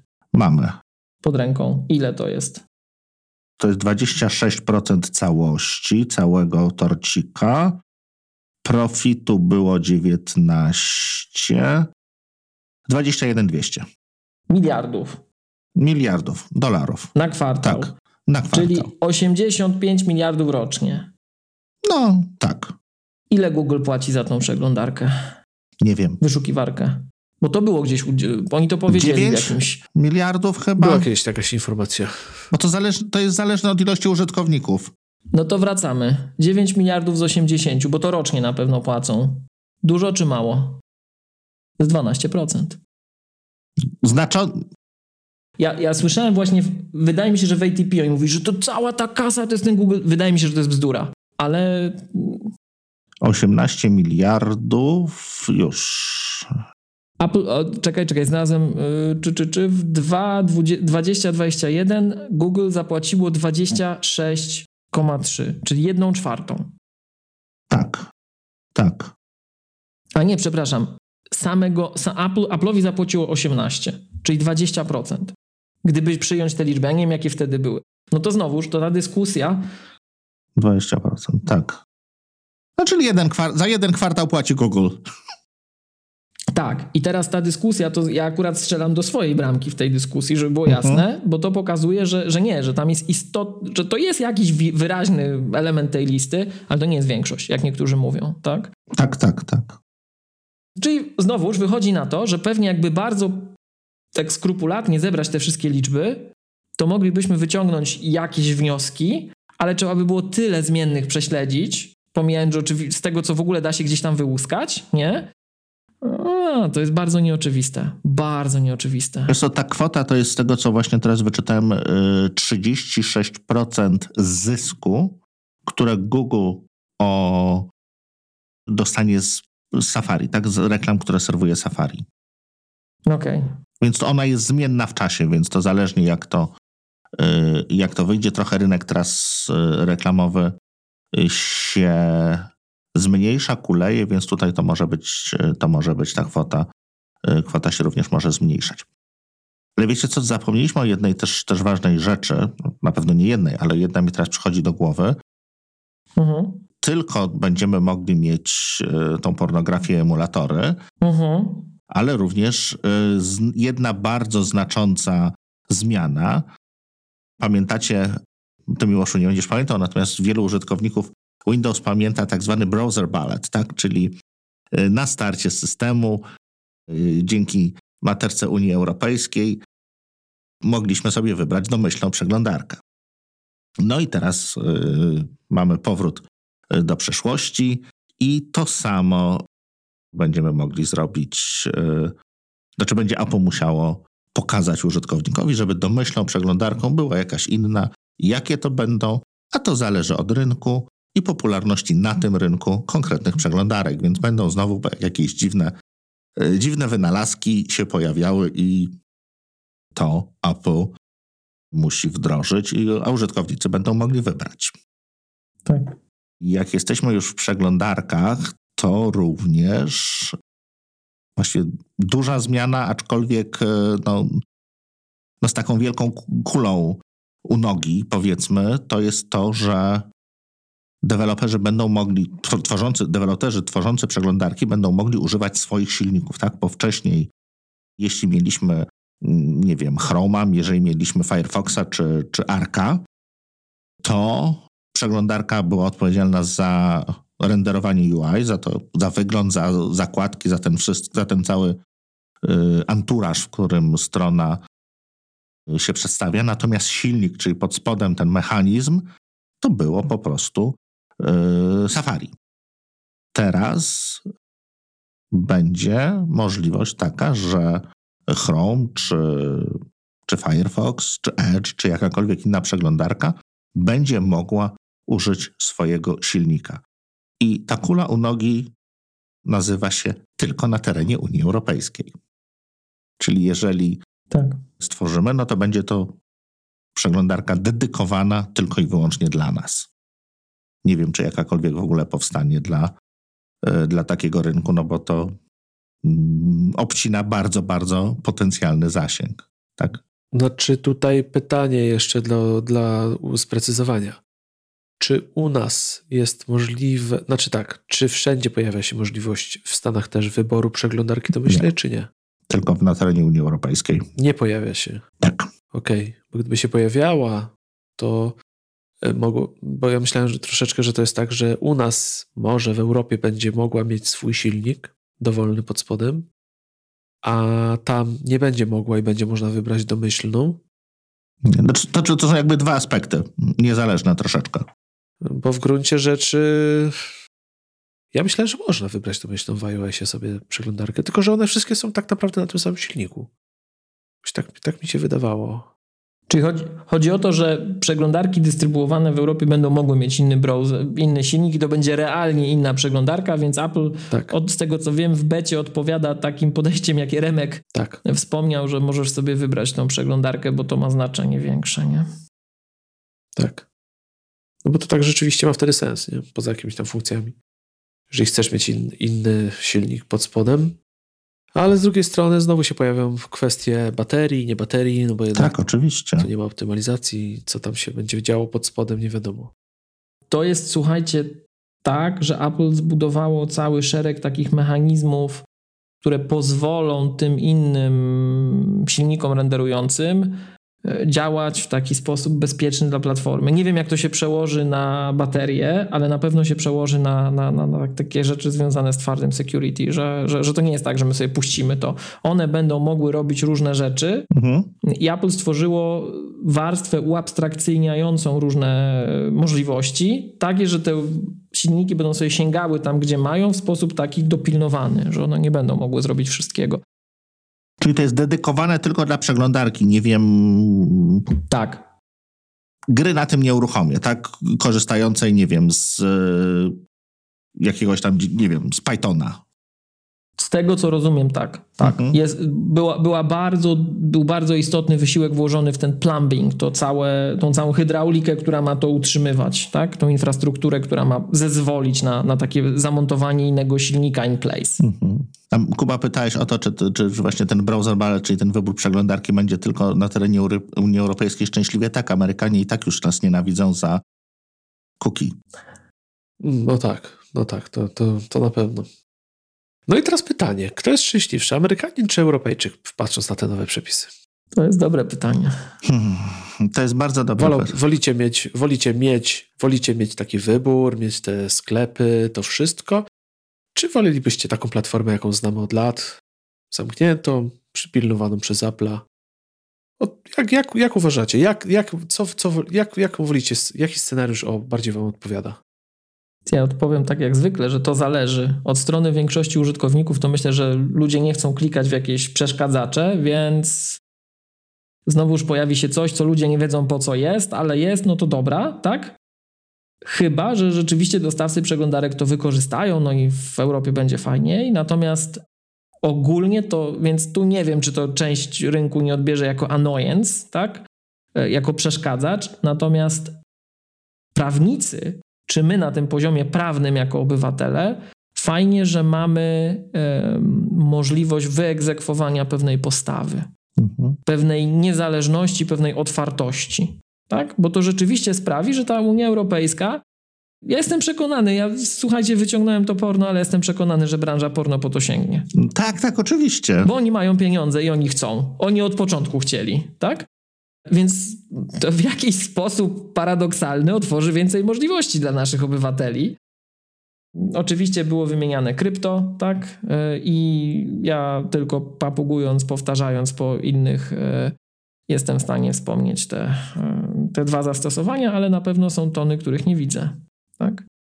Bo to nie tylko musi być coś, słuchajcie, co my chcemy, ale coś, co się utrzyma, coś, co ma mięsień finansowy, nie? Więc te emulatory może nie do końca. No, no to z tym będzie trudniej. Tu będzie problem finansowania, tak? No bo one są najczęściej darmowe e, lub, e, lub prawie darmowe. Tylko no to, to ja troszeczkę tak pytaniem na pytanie ci, Kuba, odpowiem. Jakie uważasz podmioty, i tutaj uwaga, europejskie, myślisz, że mogą zdecydować się na otworzenie sklepu na terenie Unii? Bardzo dobre pytanie. W, w App Store? No bo chyba o to chyba chodziło tak, tak naprawdę, tak? Żebyśmy no. To moje zdanie jest. W tym wstępnym Amerykanom w końcu przestali wkładać te pieniądze za tego Apple'a, tylko trochę zostawili dla siebie.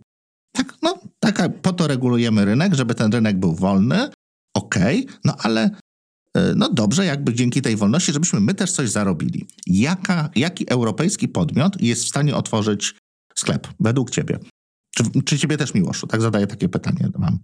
Sprawdziłem. Pornhub nie jest europejski, jest kanadyjski. Według mnie żaden. Ja się ja się nie zgadzam z, z, your, z your premise, bo słuchajcie, to jest tak, że ten Pornhub sobie będzie mógł otworzyć e, europejskie subsidiary i ono będzie to dystrybuować i nie ma sprawy, tak? No tak, oczywiście. Natomiast ja się nie, zobaczcie, Apple się bardzo mądrze zachowało, bo nie wiem, czy kojarzycie, jakbyście mieli wskazać jeden podmiot w Europie, który był takim olbrzymim zwolennikiem tej regulacji, bo właśnie patrzył na to tak jak Remek powiedział, że teraz przestaną brać te pieniądze i przestaną mieć nad nami przewagę niezasłużoną. Kto to był? Bo ja mam taką jedną firmę od razu przed oczami, europejską. Krzyczała, że tu Europa jest pod butem amerykańskiego kolonializmu cyfrowego. Nie wiem. Spotify. Spotify. Spotify krzyczało, że biedne Apple zabiera tyle pieniędzy, że ich niszczą, w ogóle nic się nie da zrobić, to koniec, europejscy gracze nie mogą funkcjonować. Tylko wiecie, co się okaże? Że jak Spotify chce mieć ten sklep, to nie po to, żeby Spotify dystrybuować, tylko ma być gatekeeperem i ma na pluralizm pozwalać. Jak ja będę chciał porno apki u nich puścić, to też muszą mieć regulamin, że nie, no porno apek to nie, ale będę chciał gry puścić, no to gry to tak. To nie może być sklep tylko pod, pod dystrybucję swojego oprogramowania. Więc z jednej strony. Z... No tak, tak, tak. Ale myślisz, że Spotify się zdecyduje? No właśnie, wydaje mi się, że to, to jest dyskusyjne, bo oni mają możliwości, oni krzyczeli, że im to jest potrzebne i ja ich trochę rozumiem. Jakbym był mhm. europejskim biznesem, który gra przeciwko Apple Music, to bym pewnie to czuł, że Apple może mieć jakieś przewagi, przynajmniej w mojej percepcji. A mogę nawet tego nie wiedzieć, ale tak podskórnie wyczuwać, że to jest konkurencja, która ma siłą rzeczy nade mną szereg przewag i ja nie mam jak tego sprawdzić. Natomiast to, w jaki sposób przepis został zaprojektowany, jak sądzę, bo nie jestem prawnikiem, ale tak mi się wydaje, no to to właśnie to masz być gatekeeperem, to nie chodzi o to, żebyś dystrybuował swoją apkę, tak? Więc teraz to by miało sens, gdyby jakieś yy, gremia europejskie, tak bym to określił, z jakichś szerszych pobudek niż ich potencjalny produkt otworzyły taki sklep. Czyli na przykład, powiedzmy, i to jest strzał w kosmos, europejska branża y, modowa stwierdziłaby, że z jakiegoś powodu apki sprzedające ciuchy albo prezentujące ciuchy przez y, urządzenia Apple'a, iPhone'a konkretnie, no bo to iOS, nie mogą normalnie funkcjonować w tym gorsecie zasad y, narzuconych przez Apple globalnie. No to sobie powołujemy nasze stowarzyszonko czy innego rodzaju konsorcjum i my sobie otworzymy sklep, który wprowadzi równość albo stowarzyszenia, teraz będę wredna świnka, poetów, filozofów i kogoś, kto się jakimiś zasadami kieruje, które czuły, że ten gorset abstorowy jest nie taki, no to sobie założą ten sklep. Ale jeszcze raz, ten rynek, właśnie to nie jest sklep, to jest rynek, tak? Mhm, marketplace, I teraz zobaczcie, dokładnie. jeszcze raz, to nie jest po to, żebym ja swoją apkę dystrybuował. To ma być rynek. I pewnie oni zaczną robić to, co Apple i się znowu zacznie dyskusja, że jeżeli oni jednak, uh-huh. oni założą ten rynek, ale w zasadzie chodzi o to, żeby te odzieżowe apki sprzedawać, to sobie stworzą zestaw zasad, który będzie sekował te inne apki. Że no, no nie, no nie, no nie, no nie. A jak coś będzie nie tak, to będą mogli być, ale to jest otwarty rynek, otwórz sobie swój rynek i tak dalej. Natomiast jestem ciekaw, w którym momencie Apple walnie pięścią stół i powie, wy naruszacie ogólną zasadę. Ogólna zasada mówi, że to nie może być dla waszych apek. Uh-huh. Więc to nie może być tak, że wasza apka stanowi 40% tego sklepu, no bo co to są za żarty, nie? E, I przecież to nie narusza przepisu, to jest jak najbardziej w ramach przepisu. Więc tarcia będą ogromne. To pytanie, które Remek ty zadałeś jest bardzo ciekawe. Kto to otworzy? I jak, jak się, jakiś, jaka się szarpanina zacznie, nie? No? No i tutaj jest jeszcze jedna kwestia, w sumie bardzo istotna. My tu wszyscy dyskutujemy o tym, nasze środowisko o tym dyskutuje, że otwierają się te sklepy, że wprowadzają te zmiany. Kogo z waszych znajomych, którzy nie siedzą w technologii, w ogóle interesuje to, że będzie taka zmiana i kto z nich w ogóle, ile z nich wie, jaką ma wersję iOS-a na swoim telefonie? Nikt i nikt. Właśnie. I teraz wyobraźcie sobie, jaki koszt jest za zostania gatekeeperem i jeszcze przekonania ludzi do tego, żeby z tego sklepu korzystali i to w takiej skali, żeby to się zaczęło opłacać. Bo jak ja mam powie, jak ja mówię komuś, że ma coś zrobić trochę inaczej, albo się wysilić, to on mi powie, że ma spadać, bo on chce do App Store'a ściągnąć aplikację i z niej korzystać. Tak jest. Wszystko, co on chce. Po najmniejszej linii oporu. Nawet abonament zapłaci. Jest do tego przyzwyczajony, jest tak wychowany, ma to zaszyte. Dzieciaki może tak, jak będą, ktoś im powie, że mają sobie jakąś skórkę do Fortnite'a, jest jakaś, zrobią jakiś, nie wiem, projekt z kimś mega znanym aktualnie i jedyną opcją, żeby to zdobyć, to będzie zainstalować ten sklep dodatkowy. Muszę myszki Miki teraz. To się da, nie? To się da ich przekonać do tego.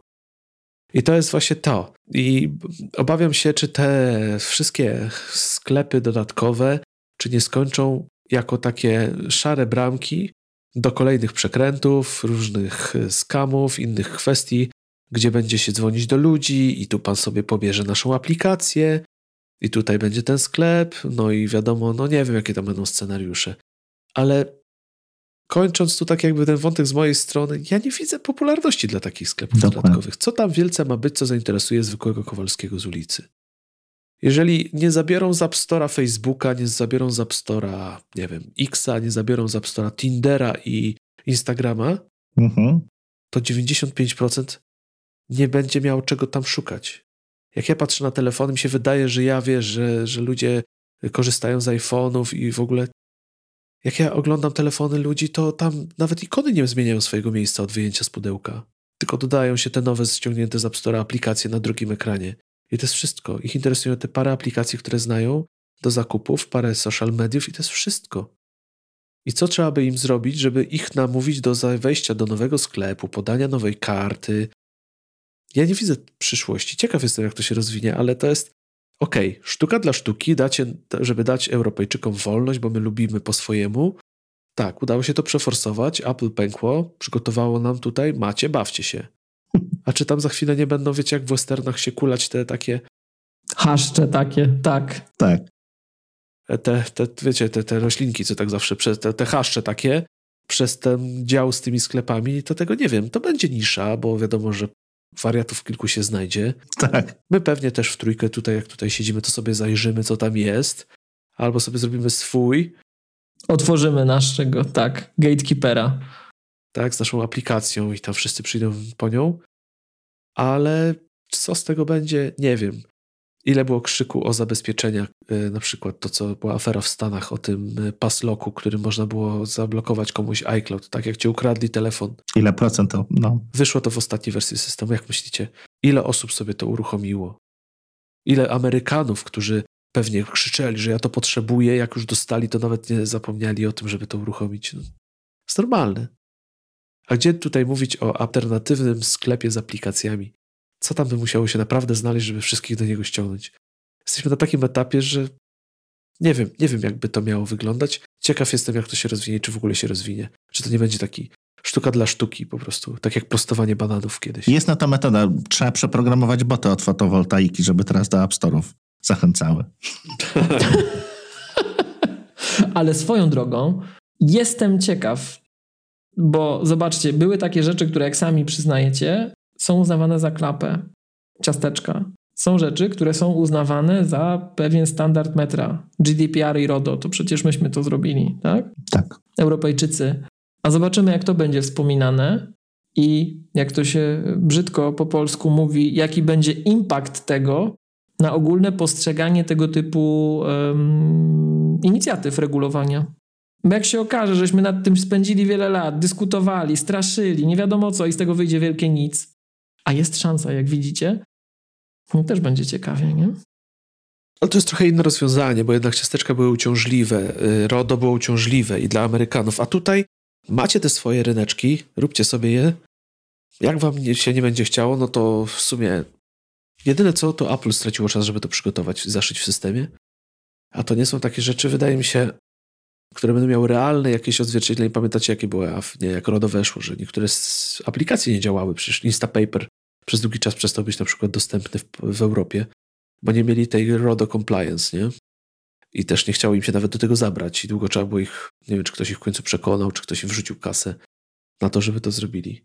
A te sklepy no, są transparentne. Jeżeli nie jesteś zainteresowany tematem, to, to nie jest jak banner z cookiesami, nie? który wyskakuje ci na każdej stronie. Ale ja nie mówię po stronie użytkownika, ja mówię po stronie tej dyskusji regulacyjnej. Mhm. Czy to ma sens? Nie? Czy to ma sens? Czy to ma sens tych, tych, tych... Aha. próbować to regulować? Bo się może okazać, że te zasady same w sobie nie były aż takie głupie i my nic nie wnieśliśmy do tej dyskusji.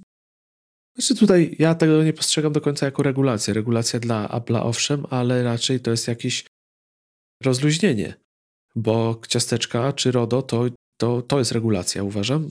A tu mamy do czynienia z tym, że dla Europy Apple musiało swoje zasady rozluźnić, tak? Wpuścić dodatkowe jakieś, otworzyć kolejne bramki. do swojego ekosystemu. Na razie dla Europy. Na razie dla Europy. No, ale widzisz, Kuba, jako deweloper to ja wcale nie uważam, że oni rozluźnili. Ja uważam, że oni, i nawet Remek to zauważył, że oni utrudnili. Bo zobaczcie, póki nie było tych regulacji, to darmowe apki były naprawdę za darmo, a teraz już nie będą za darmo. Mhm. No tak, są te niuanse, które tutaj wprowadzili, ale to służy tylko i wyłącznie pewnie temu, żeby też trochę utrudnić, tak. Apple lubi robić to tak, wiecie, te różne swoje ruchy tak, że no dobra, macie, ale po drodze jest parę dziur, dziur zakopanych, przykrytych liśćmi, w których, o których nie wiesz i szybko ci się przestanie chcieć dążyć tą drogą, bo wiesz, wolisz sobie iść ładnie wybrukowanym chodniczkiem niż ciemnym lasem, nie? Gdzie nie wiesz, co cię za chwilę czeka. U Apple nie ma sensu płynąć pod prąd. Jeżeli nie płyniesz z prądem, to, to, to, się, to nie jest ta platforma dla ciebie tak naprawdę. Panowie, ale ja wracam, wracam do tego, że moim zdaniem te dziury przykryte liśćmi, to one nie są na złość. One są, bo tam te problemy są. Tylko, że poczujecie, jak spróbujecie być gatekeeper, gatekeeperem. tak, zgadza się. Tylko wiesz, no ja się zastanawiałem też, tak jak zadałem wam to pytanie, jakie europejskie firmy mogły Spotify dobry, dobry strzał, przy czym musieliby się z kimś dogadać. Bo coś jeszcze, tak? W sensie z tym CD Projektem jeszcze, jeszcze jakieś giereczki tutaj, żeby były... O, to może tak. Jako konsorcjum stworzyć coś takiego. Tak, tak, to tak. To by, to by może miało ręce i nogi. Takie giganty jak Metro Group czy IKEA, które są generalnie gigantami commerce, czy one tutaj mają miejsce? Nie bardzo. Wiesz, europejskie, europejskie molochy nie, ale amerykańskie w Europie mogą się na to rzucić. Na przykład Epic, tak. Epic, Epic otworzy sobie sklep i wszystkie swoje gry wrzuci tam. Epic już oprotestował i Epic napisał, że oni w to wchodzą. Najpierw złożyli protest, a potem wchodzą. Microsoft, który kupił przecież ostatnio Blizzarda, gry, tam mają potężne gry mhm. mobilne, Hearthstone. Tak. Y, oni kupili to, co tam to Candy Crush, to też należy do Blizzarda, to do Activision, do grupy Activision.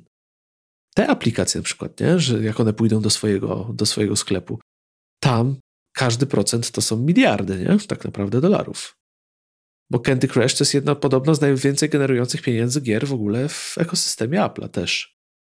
Więc tu takie tytuły i tak, takie molochy mogą się rzucić właśnie nie? na to, żeby na przykład wszystkie ich gry były w jakimś alternatywnym sklepie. I to miałoby sens. A grupy medialne? Takie jak Ringer, Axel Springer, który w kilku krajach ma coś, oni mają coś do ugrania, czy nie, żeby mieć swój sklep? Może tak. No właśnie tutaj wszystko rozbija się o to, o czym nie wiemy, nie? Ile jest realnych kosztów i czy rzeczywiście to się wyjdzie na, na jakiś, mhm. jaki będzie realny zysk, jak się pokniesie koszty, które spadały na Apple'a. I tutaj, e, tak jak już na początku rozmawialiśmy, dużo wskazuje na to i możemy sobie tak tutaj przyjmować, że rzeczywiście to, ile oni odcięli, to są ich realne koszty, które ktoś będzie musiał pokryć nie? za nich. Mhm. I czy wasz klient przejdzie przez te hopki? Przepraszam, tak, Remek. Bo tak, wiecie, tak, gracze przejdą, bo gracze są na ogół technicznie zorientowani. Powiecie im, macie App Store'a wgrać, to spoko, nie? Mhm. A ktoś, kto chce sobie Newsweeka poczytać, to on będzie ten App Store instalował? Może nie. Tak, gracze tak. To zależy. No jeżeli weźmiemy takiego gracza, powiedzmy dużego, który jest ogólnie też darzony, przynajmniej przeze mnie, szczerą słowiańską nienawiścią. Aż się boję, co, co powiesz. Czekaj, czekaj, no skupiam się, mów. Szczera słowiańska, to Facebook. A, no, no, no. To jest no. gracz, który tam może wejść. Nawet z darmową aplikacją swoją. Potencjalnie są w stanie otworzyć marketplace dla wielu innych graczy, którzy do nich przyjdą, bo, bo tam jest ruch, tam są ludzie. Tam jest białko, które klika i to... Puf.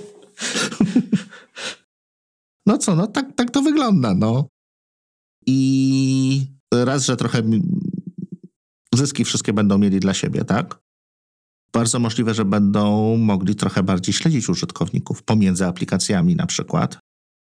I to jest coś, to jest taki no, diaboliczny plan, który może się ziścić i, i to się tylko dla nich się będzie opłacało. Tylko to, że mogą trakować pomiędzy aplikacjami i oni są już wygrani.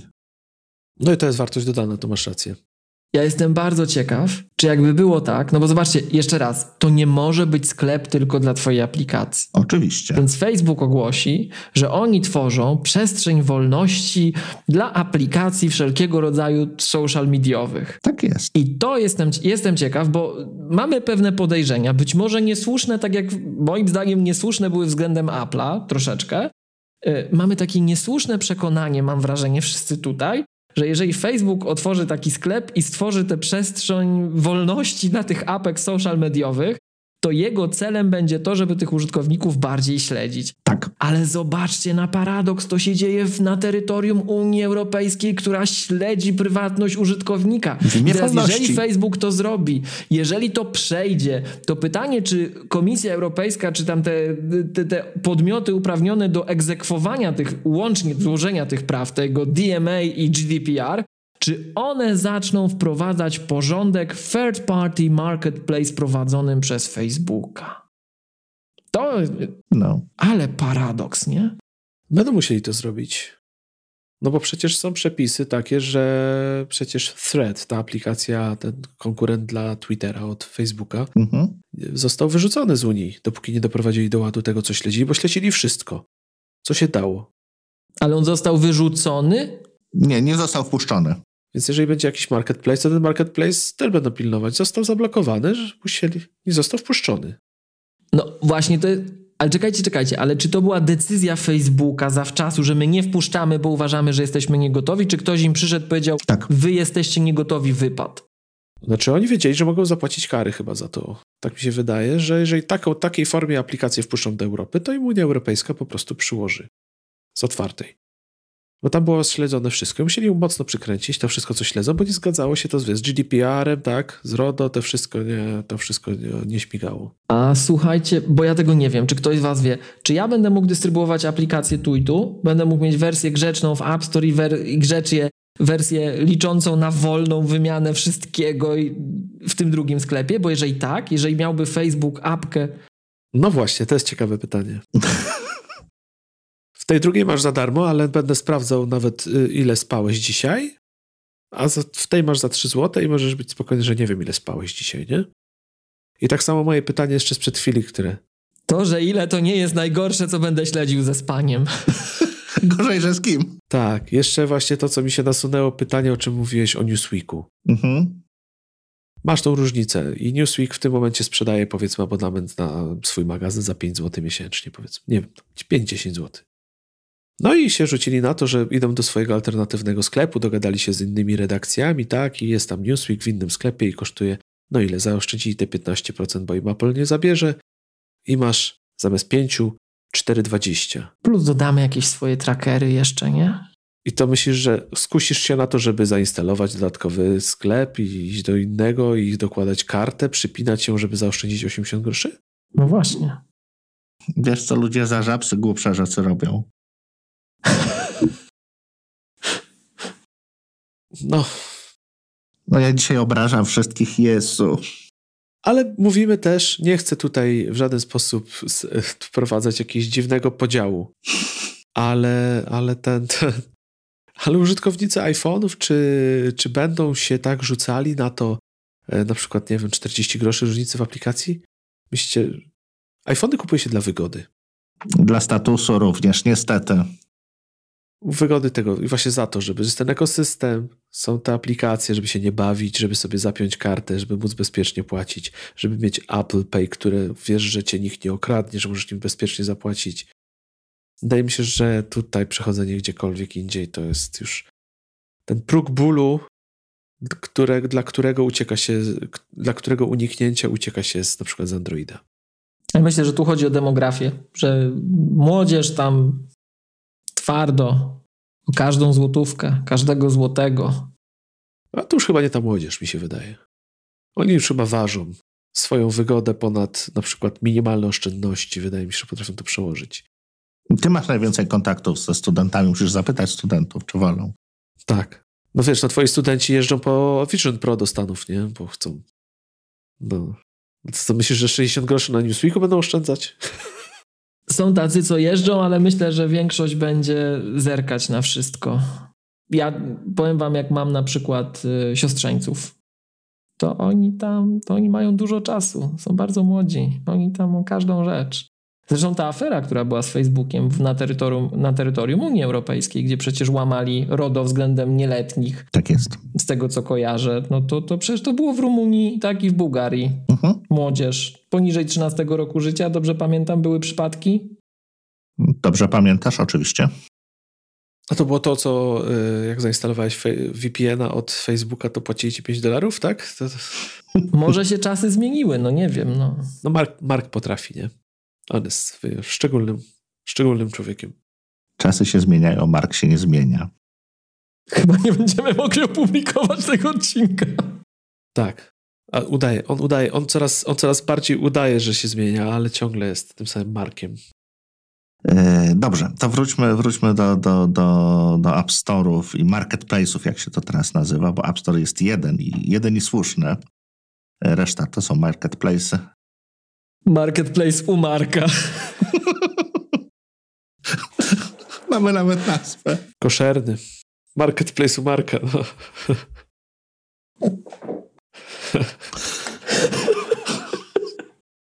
Nie będą warzywniaki, tylko ab, ab, abżywniaki.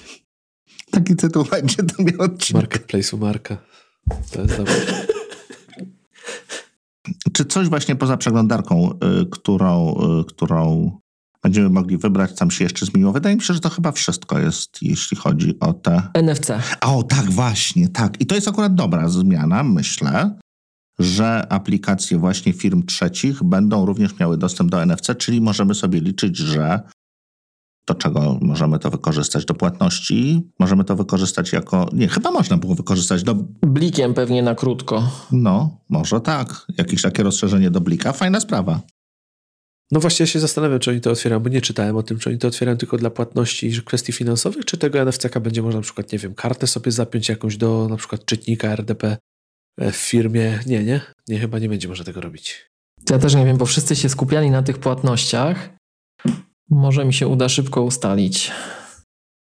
Tak, a ja bym chciał, bo ja mam, wiesz, jest parę biur, gdzie wchodzę i tę kartę bym sobie chciał pozapinać, żeby mi się iPhone ładnie mógł potrafić odbijać swoim NFC. NFC nie jest zgodny z tam z przepisami unijnymi. Mobile Wallet and Payment Providers. Tak, dokładnie. Tak, tak. No tak, tak właśnie mi się wydaje, że tam chodziło głównie o to, żeby otworzyć go dla innych płatni, inne, inne usługi płatności, nie? Żeby można było obsługiwać. Czy u nas Stripe działa? Czy można, bo tak jak byłem w którymś tam momencie przelotnie w UK na jakimś takim bazarze, tak, jak już jesteśmy, jesteśmy w takich tych klimatach, to zauważyłem, że tam już też y, płatności były właśnie telefonem i to był Stripe. Chyba głównie. Czyli, płat, czyli na iPhone'ie czy na innym tam jakimś tam telefonie z Androidem była aplikacja, która umożliwiała przyjęcie płatności. Czy u nas jest to może, czy u nas jest to gdzieś możliwe? Chyba nie. Tylko do wydawania służy. Wiesz co, teraz jak mówisz, to nie wiem, czy nie, nie opowiadam głupot, ale było coś głośnego o tym, że oni w Ukrainie to udostępnili tą funkcję, że można było właśnie robić y, terminal z iPhone'a do płatności. Tap to pay, tak. Mhm. Tap to Pay. I to jest chyba ta odpowiednik tego właśnie, co na Androidzie mówisz, że, będzie, że można sobie terminal zrobić z iPhone'a, ale to chyba w Polsce nie jest dostępne jeszcze, tak mi się wydaje. Bo my też nie mamy tych płatności, nie? Bo nie mamy tych Apple Pay funkcji. Portfela nie mamy tego Apple'owego, nie? Ten Tap to Pay jest dostępny, był dostępny jeszcze niedawno na ośmiu rynkach na świecie. Także to no tutaj Ukraina została Aha. wybrana, ale kraje takie jak Kanada tego nie mają, gdzie one zawsze wprowadzają ze Stanami równocześnie, tak? Mhm. Um, więc to się zaczyna, pewnie rollout będzie na różne kraje na świecie. Jasne. Ale to się zaczyna. I to wydaje mi się, że to jest trochę niezależne. Ale to nie jest równoznaczne z dostępem do NFC? Nie, nie, nie, nie. To jest niezależne. To jest po prostu usługa Apple'a mhm. i tak między nami mówiąc, to, to rozszerzenie dotyczące NFC to jest chyba najbardziej sensowne i najbardziej takie bezsporne. To po prostu rzeczywiście europejskim podmiotom działającym na rynku finansowym zabiera kaganiec Apple'a, koniec, kropka. Tak? I każdy, kto jest odpowiednio umocowany z europejskich podmiotów życie. ma mieć dostęp mhm. i już. I nie ma cudowania, tak. że ma być marketplace, że mają być zasady, czy to się będzie opłacało, czy nie. Ma być otwarte. Czy te silniki wybierać? Nie. Ma być otwarte i już.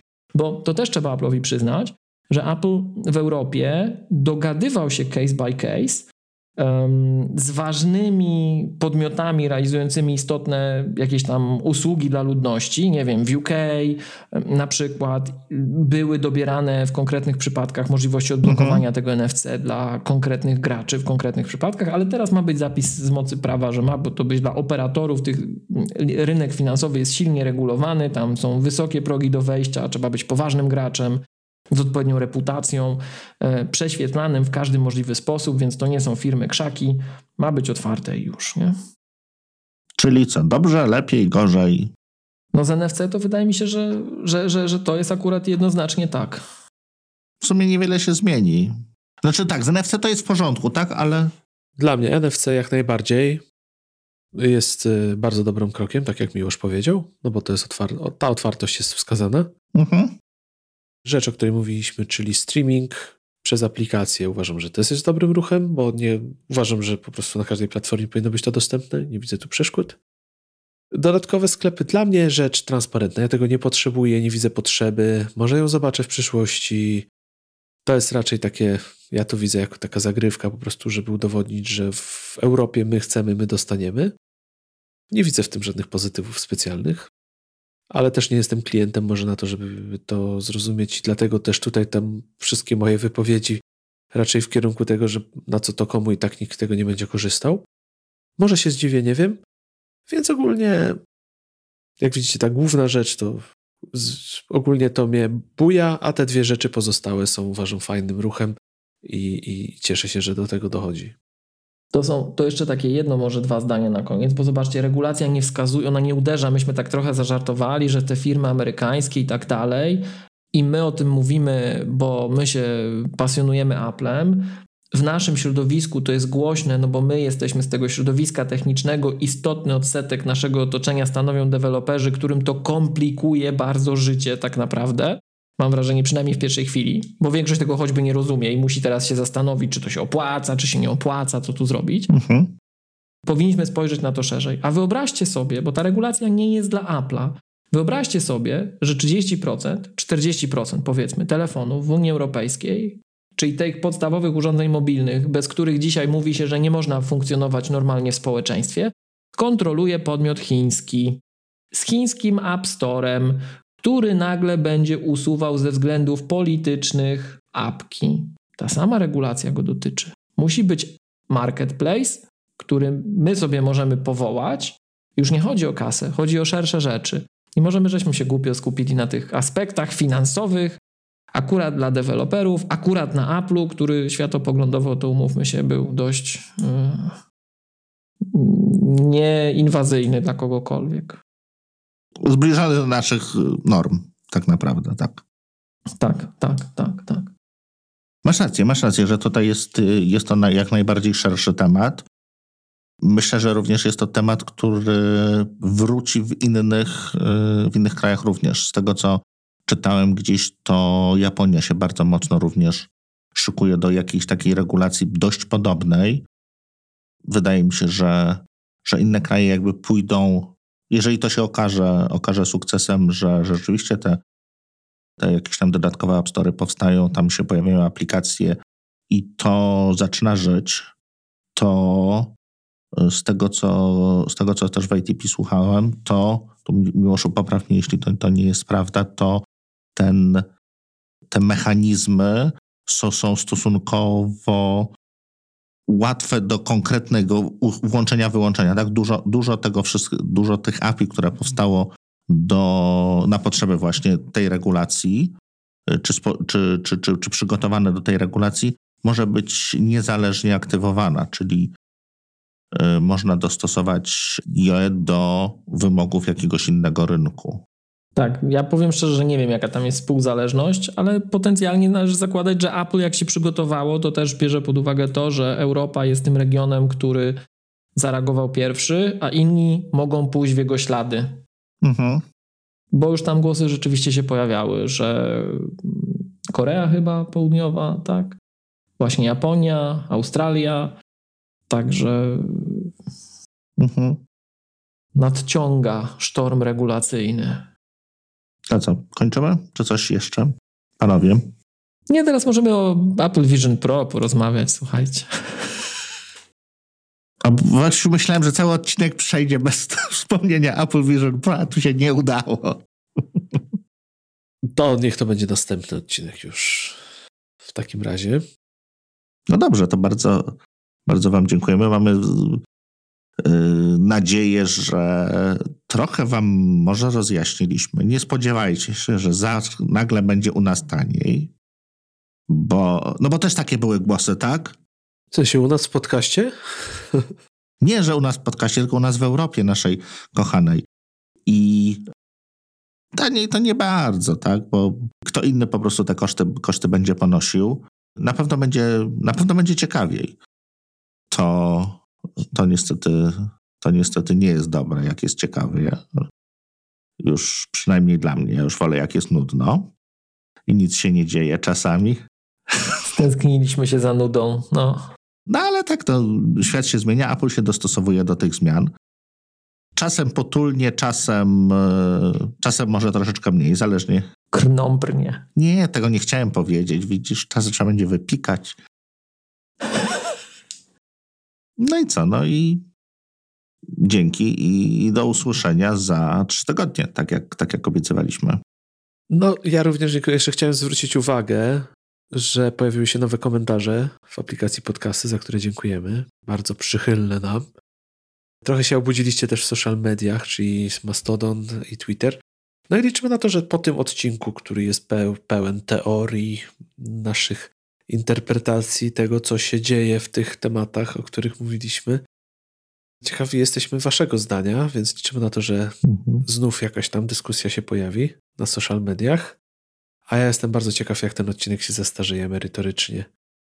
Ale dyskusja jak zwykle ciekawa, także ja również dziękuję i do usłyszenia. Kojarzycie y, takie sytuacje, gdzie słuchając podcastów krzyczycie do tych wypowiadających się, chociaż oni was nie usłyszą oczywiście, bo to nagrane dużo wcześniej w innym miejscu i czasie. Ja kiedyś nim zacząłem nagrywać podcast, to ja notorycznie komentowałem, wytykałem błędy, część dlatego mnie nie lubiła z Y, autorów podcastów, bo, bo ja byłem tym takim właśnie, a nie tak, nie tak, to źle, to źle, to źle. I tak wciskałem ten, ten, ten, ten, ten, szprych, ten kij szprychę. Ale tak. Jestem ciekaw, ile osób będzie krzyczało do naszego odcinka. No. Jak ci wszędzie RSS-y pozabierali, to postanowiłeś, że musisz nagrywać coś samemu, żeby, bo nie miałeś już czego słuchać? No pewnie tak, tutaj. Przepraszamy za to, jeżeli, jeżeli zmusiliśmy was do krzyku, ale to napiszcie, co, co by zrobiliśmy, co powiedzieliśmy źle, to na pewno się potem posypiemy głowę popiołem i będziemy się kajać. No wiecie, wzbudzanie emocji to największa wartość nie? w tej chwili, także to... Otworzymy swój marketplace. Standardowo dziękujemy Maćkowi za maile po odcinku. Już wyczekujemy. Standardowo dłuższy niż nasz odcinek. Także zobaczymy, z kim się, z kim się zobaczymy w market... Jak to było? Marketplace'u Marka? Tak, tak. A przy okazji, jak już przy markach, to pozdrawiam Marka Teleckiego. Bardzo pozdrawiamy, oczywiście. Dobra. Na razie, cześć. No nic, do usłyszenia. Dzięki. Dzięki, pa.